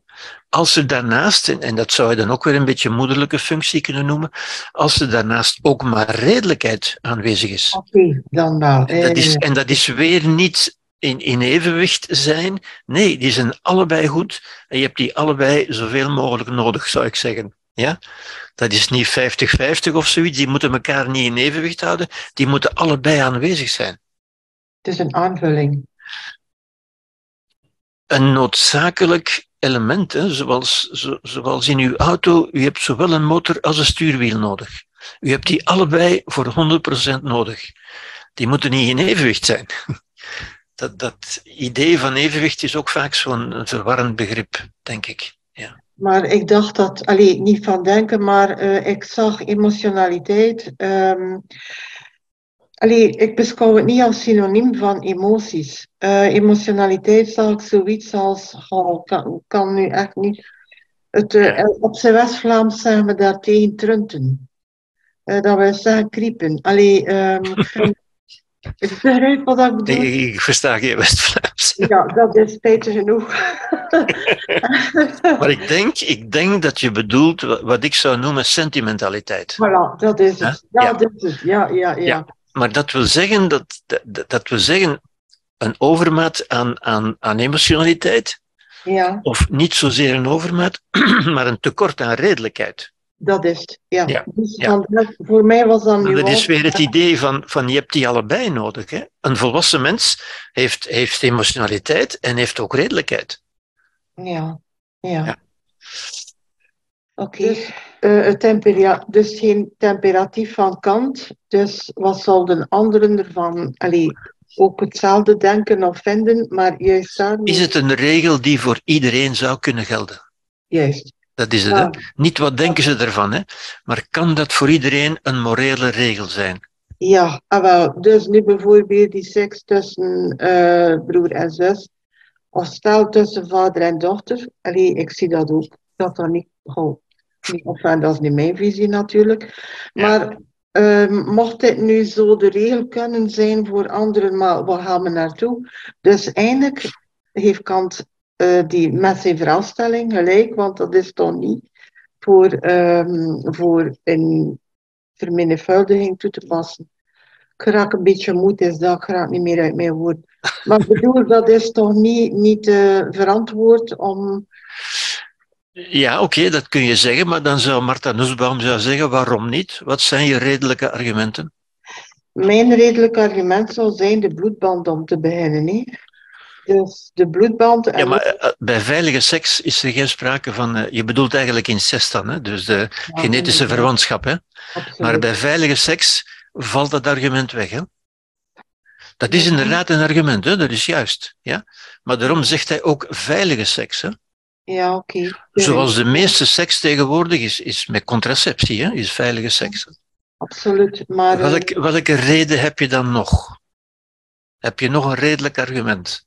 Maar ik vind het volgens mij toch een, de reden immoreel, toch? Maar ja, Ja, ja, maar zie je, dat is wat hij zegt. Je zegt, ik vind, ja. vind maar dat is emotioneel, dat, is, dat is sentimentalisme. Ja? En dat is wat hij juist noemt morally dumbfounding. Je stelt vast dat je geen argumenten hebt en toch blijf je het afwijzen. Absoluut. En dat is wat hij noemt ja, morally dumbfounding, moreel verbijsterend. Je, je kunt dat niet rechtvaardigen en toch blijft dat. Ja, ik begrijp het. Maar heeft dat te maken met ons oude brein uiteindelijk? Ik vermoed het, ja. Dat is onze emotie. Hè. Emotioneel, ja. Dat is natuurlijk een beetje op de, op de spits gedreven, maar dat is hetzelfde met die ene man die je niet, die dikke man die je niet van die brug wil duwen. Hè. Ook dan zeg je, heb je die afkeer van nee, dat wil ik niet doen. Want dan doe je iets, dan ben ik een moordenaar, zeg je. Terwijl je eigenlijk redelijk zou je kunnen zeggen, ik ben de redder van die vijf mensen. Ja. Maar wat ik ook redelijk zou hebben gevonden, is dat de tram kon gestopt worden. Ja, maar ja, dat, dat, zit, dat zit niet in het experiment. Ah ja, nee. Je moet, nee, je moet het je voorstellen, je moet je voor, natuurlijk is dat redelijk, dat begrijp ik ook, hè, maar je moet je voorstellen dat dat, dat, dat niet mogelijk is. Ja, Dat, dat is, dat, dat is het voorgestelde scenario, zou ik zeggen. Hè? wel inderdaad, is het voorgesteld scenario, maar als we nu teruggaan naar Poetin en naar Biden, Biden, ik heb dat nu nog gehoord in het nieuws, dus hij wil die strijd verder zetten om ehm, dus eh, op dat Poetin eh, het land Oekraïne niet naar zich kan toeschuiven. Maar Ja. waar eindigt dat? Dus Ja. bedoel maar Wel, dat, dat, dat eindigt als Rusland terug Rusland is. Hè? Als Rusland opgeeft, eh, Oekraïne opgeeft. Hè? Dus daar Ja, is wel een eindtermijn aan. Hè? Nee, nee, maar... kan Maar goed, ik, ik denk dat we daar moeten over ophouden, want over dat soort vragen, mijn enige doel was van te, van te stellen dat het inderdaad moeilijke vragen zijn. ja. Absoluut. En we Absoluut. kunnen daar blijven over. En heel vaak verzandt dat in, ja, maar ik vind en ik vind en ik vind en ik vind. En dat zijn emotionele argumenten. Hè? Ja? Ja, ja, maar ik eh, wou- eh, vind de empathie dan is zorgen voor zijn gezin, zijn beveiliging. Maar Ja. als er, dus als er mensen vallen in Oekraïne, of eh, allee, het is ook ver van zijn bed, ik ga het zo zeggen. Maar het betreft toch ook families. Het gaat nu niet om de oorlog van mij, het gaat ook over de redenering van die empathie, inderdaad. Ja. Als het tijd bij het hart en het hemd is, oké, maar ligt het ver van u? Ja, Nu, als Biden emotioneel zou reageren, zoals Trump bijvoorbeeld deed, ja, die, die zou niet komen. Hè? Ja. dat is niet mijn probleem. Dat is waar. Biden denkt in, in die zin, denk ik, ik ken Biden niet, maar ik denk dat hij redelijker is daarin. Hè? Door te zeggen, ook dat zo ver van mijn bed, het is toch mijn probleem. Ik voel mij verantwoordelijk of ik stel mij verantwoordelijk. Ja? Ik kan niet toezien dat dat gebeurt en niks doen. Trump zou zeggen, America first. Hè? Inderdaad. En als ze dat terugbrengt naar die tram met die mensen, zou je kunnen zeggen dat Biden die tram niet kan doen stoppen, inderdaad, maar dat hij toch collectief kijkt van wat is hier het... Uh... Ja. Ja. Ja. Ja, ja, ja, dat was een beetje de redenering. Ja. Politiek is eigenlijk, of zou moeten zijn, toegepaste moraliteit. Hè? Absoluut. Absoluut. Zou dat moeten zijn. In, in die zin is het ook interessant om daar naar te kijken hè? en, en je af te vragen hoe, hoe kan die mens gedacht hebben, wat kan die gedachtegang zijn. Ja, dat was mijn bedoeling van de vraag, ja. Ja, ja. Nee, sorry, moest ik te veel uh, Want de tijd schiet op natuurlijk. Zijn er nog andere mensen die nog vragen willen stellen? Anne? Ah, Anne. Nee, nee, José. Anne en of José, ja. Ik, ik had eigenlijk een bedenking, uh, Gerbert. Je zegt zo van, uh, normaal gezien zijn er geen morele bezwaren tussen uh, seks tussen broers en zuster of incest. Hè, als het veilig, ehm, veilige seks is. Ja. Maar de bedenking is, als dat volwassenen zijn en die willen dat niet veilig doen, waar is dan het morele bezwaar? Want eigenlijk hebben die toch het plot van hun eigen leven, die mogen toch doen wat ze willen? Uh, ja, maar een volwassene moet ook nadenken over de gevolgen. Ja? En dat is ook evolutionair in ons ingebouwd hoor. Dat is ook indirect een antwoord op Edith natuurlijk. Hè? Mm. Ook bij dieren, ook dieren hebben normaal geen seks met, met uh, nestgenoten.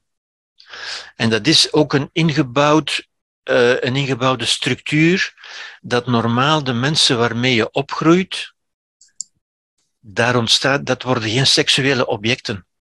Daar word je niet seksueel door geprikkeld, ook bij dieren niet. En dat kun je verklaren, evolutionair, juist door die bloedband. Ja? Door, die, door die genetische, omdat je genetisch zou verzwakken door mensen die dat doen. En dus mensen of dieren die dat doen, zijn door de evolutionaire filter uitgefilterd. En dat is dus een diep ingeworteld emotioneel systeem. Ja? En inderdaad, hè, zonder nadenken zeggen wij broer en zus seks. Ah nee, ja? dat zit heel diep in ons. Om die reden, omdat het overlevingswaarde heeft. Ze worden ook niet seksueel verliefd op hun kinderen. Maar bijvoorbeeld, een probleem is bijvoorbeeld als er na een scheiding een stiefvader, die komt binnen en die kan wel verliefd worden. En dat hoor je ook regelmatig. Maar een, een, eigen, een vader zal zelden, het is niet uitgesloten, hè, maar zelden verliefd worden op zijn dochter. Wel op andere vrouwen. En dat is, dat is heel merkwaardig, maar dat is in de natuur. Ja, de evolutie heeft, heeft ons zo gebouwd dat we, dat, dat we daar zo op reageren. Dankjewel. En dan zien we elkaar volgende week terug bij Leven en Welzijn.